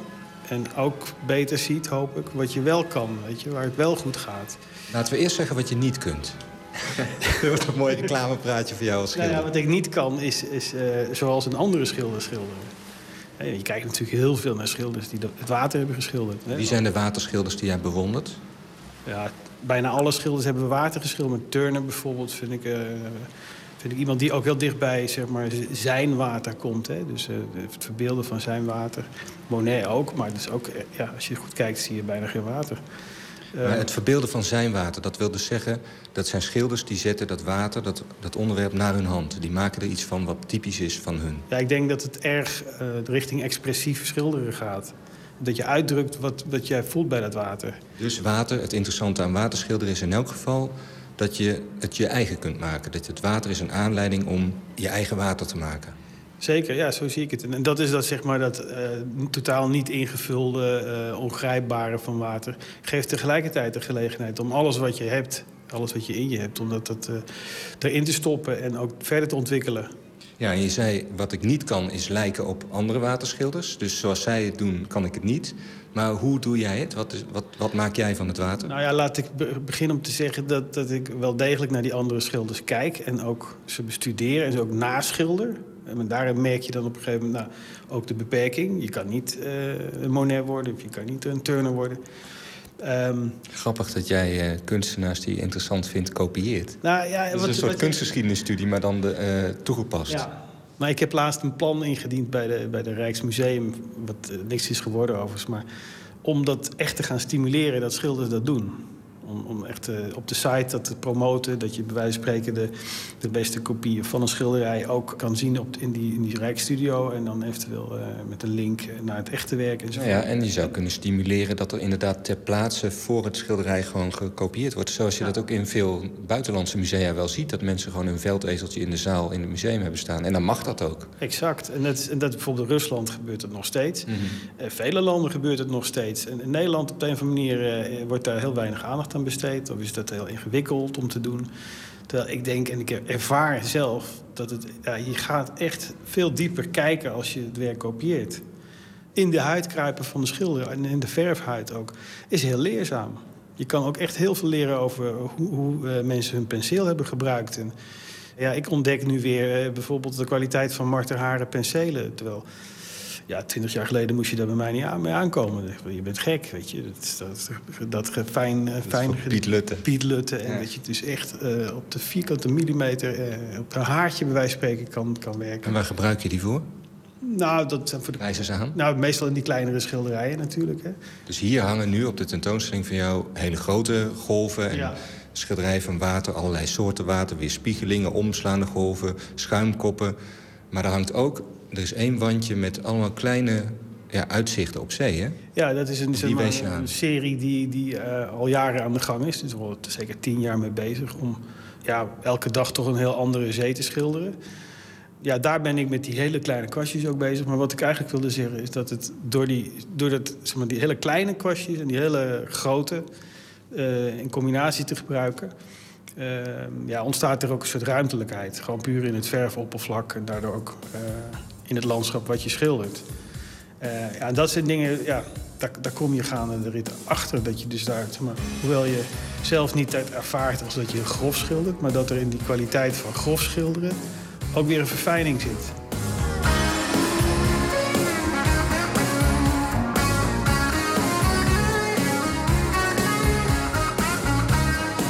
Er staat hier op de, nou niet op de wand, maar op een soort banier... staat een citaat van jou. Als je je afvraagt hoe je water schildert... kom je al gauw op de vraag, hoe schilder je überhaupt? Dat blijkt ook wat je nu zegt. Want eh, ik vraag van wat is er interessant aan waterschilderen... en jij vertelt eigenlijk wat is er interessant aan schilderen überhaupt. Nou ja, nee, dat, is, dat is ook zo. Weet je. Dat, dat- misschien ook wel bij elk ander onderwerp. Hè? Want als je zeg maar, eh, heel je leven lang eh, bomen schildert of, of tafelkleden... dan kan je natuurlijk ook daarin verder komen. Want dan geldt ook steeds dat je verder komt bij jouw interpretatie van... of jouw verhaal bij dat tafelkleed.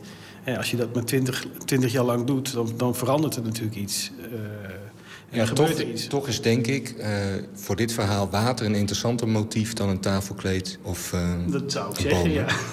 Dat is mijn idee ook natuurlijk. Ja, waarom? Water is natuurlijk een idioot materiaal.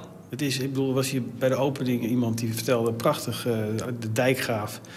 Die vertelde een prachtig verhaal over dat water eigenlijk eh, natuurlijk eeuwen oud is. Het is on- ongelooflijk oud. En dat dat water wat je eh, in een glas hebt, dat de- kans heel groot is dat er een molecuul in zit die eh, duizenden jaren, miljoenen jaren geleden in de, in de darmwand zat van een dinosaurus die uitgestorven is. Omdat het water zo die moleculen zijn zo klein dat die zich ongelooflijk snel vers- verspreiden over de hele watermassa op de wereld. Nou, onvoorstelbaar, maar ook ja, prachtige ideeën. Uiteindelijk eindigde die, want water is natuurlijk ook het leven. Eh, Water symboliseert niet alleen maar het leven. We zijn zelf water, grotendeels. zijn, maar goed, het leven is ontstaan uit water op de aarde. En dat vind ik ook wel leuk, dat je zeg maar, op, op dan, ja, zeg maar, wetenschappelijk niveau is, is water dus ook een heel bijzonder eh, materiaal. En ook visueel is het natuurlijk voor iedereen duidelijk. Hè? Iedereen, als die zeg maar, over de duintop komt en die, die ziet de zee, ja, er gaat toch een verademing over je heen, door je heen. Maar water is thuiskomen eigenlijk. Hè? Je voelt toch van, nou ja, iedereen die heeft... Thuiskomen, ja, ja. Wij komen eh, evolutionair gezien misschien wel uit de zee. En dan, eh, dan zie je daar weer, oh ja, onze baarmoeder. Je moeder. Je moeder liggen daar.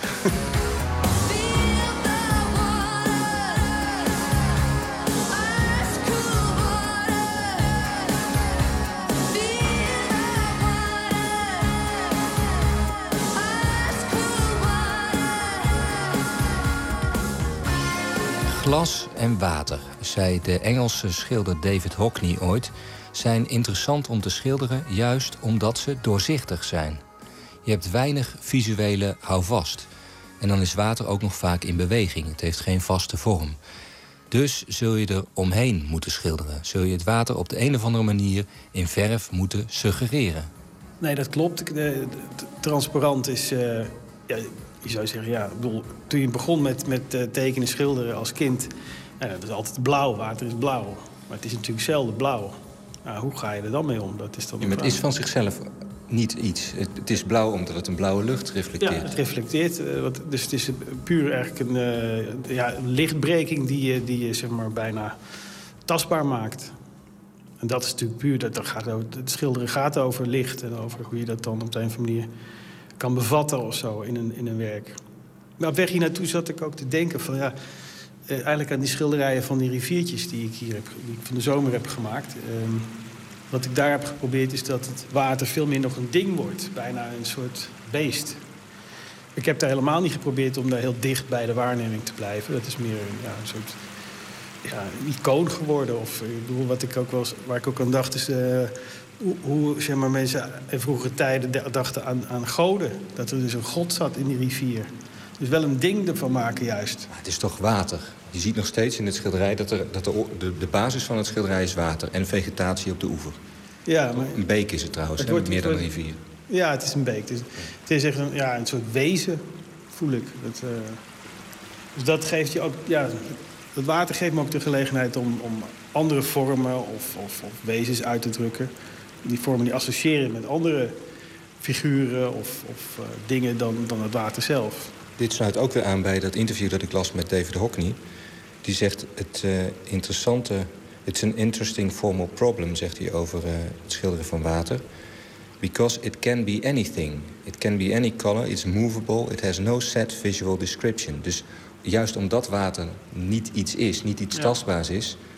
kun je erin zien wat je wil. Je kunt er dus een verhaal aan ophangen over schilderen überhaupt. En je kunt er ook bijvoorbeeld een eh, figuur in zien. Exact. En dus het is eigenlijk ook een soort spiegel van je, van je eigen eh, eh, verbeelding. Dus wat, je, wat jij in je hebt, soms totaal onbewust. Dat kan, als je zeg maar, in, in, in het, aan het schilderen bent... kan dat op een gegeven moment gewoon in dat doek naar voren komen. En, en dat is wat ik hier ook heel, heb, heel erg heb ervaren. Dit is trouwens, dat vertelde ik laatst nog... doek wat ik met vrij heftige muziek op een koptelefoon op eh, heb geschilderd. De hele dag de Pixies. En dan heel hard. En op een of andere manier eh, zit dat er ook in. Dit heeft dus ook iets van een heftigheid die eigenlijk helemaal niet bij dat lieflijke onderwerp hoort. Want Ja, zo'n beekje beekje, zo'n kabbelend beekje. het was natuurlijk een prachtige lichtval. Je ziet daar... eh, je zou daar helemaal niks heftigs bij hoeven te denken. Maar ik, ja, op een of andere manier vind ik dat ook fijn om, om daar één kwaliteit heel erg uit te lichten... die, ja, die me op dat moment eh, te binnen schiet of die, die me bezighoudt. En dat kan inderdaad met water. Dat is, Staat open voor interpretatie. staat open, ja, ja, precies.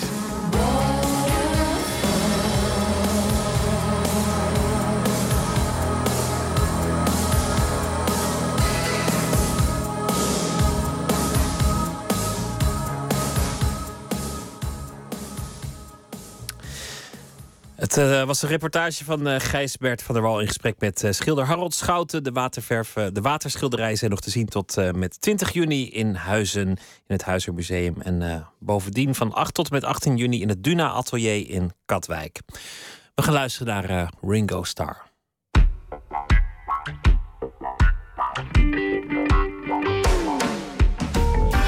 What you doing? It's not what you do. Isn't me, it's you. Didn't I try to tell you? You're carrying a much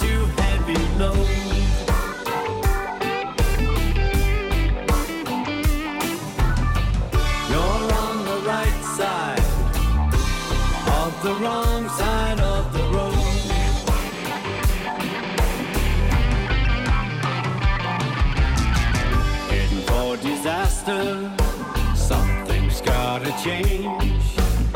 You're only moving faster, almost out of range. Head first in a bad direction, till you got no place left to go. No, no, no. You're on the right side of the wrong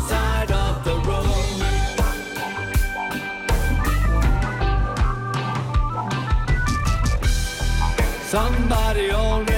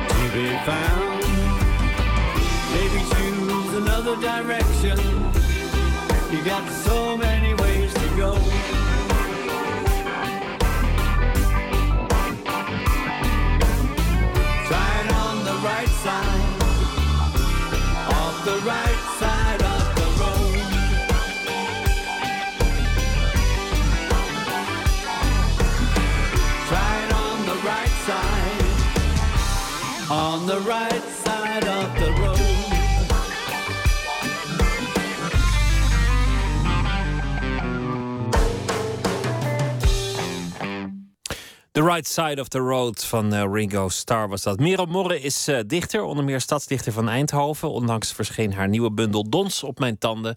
Deze week zal zij elke dag een eh, gedicht uitkiezen uit haar eigen favorieten, ook van anderen. Vannacht is dat Annie M.G. Schmid en het gedicht heet Toneel.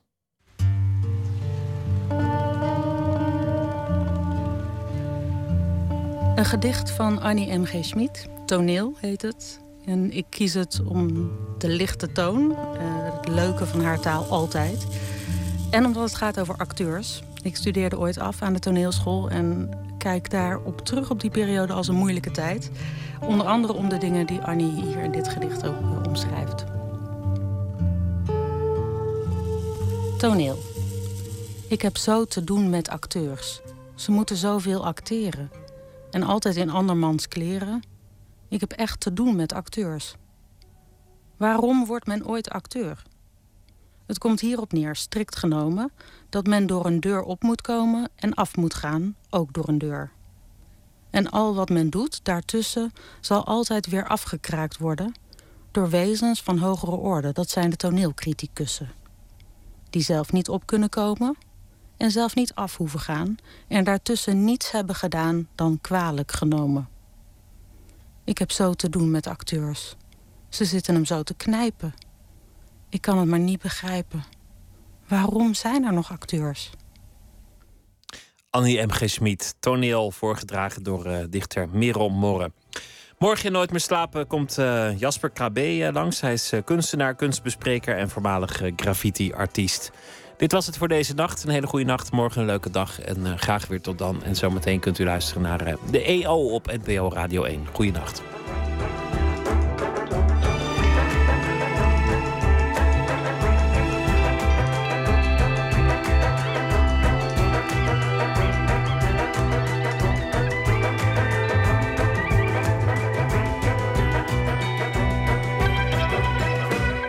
Op Radio 1, het nieuws van alle kanten.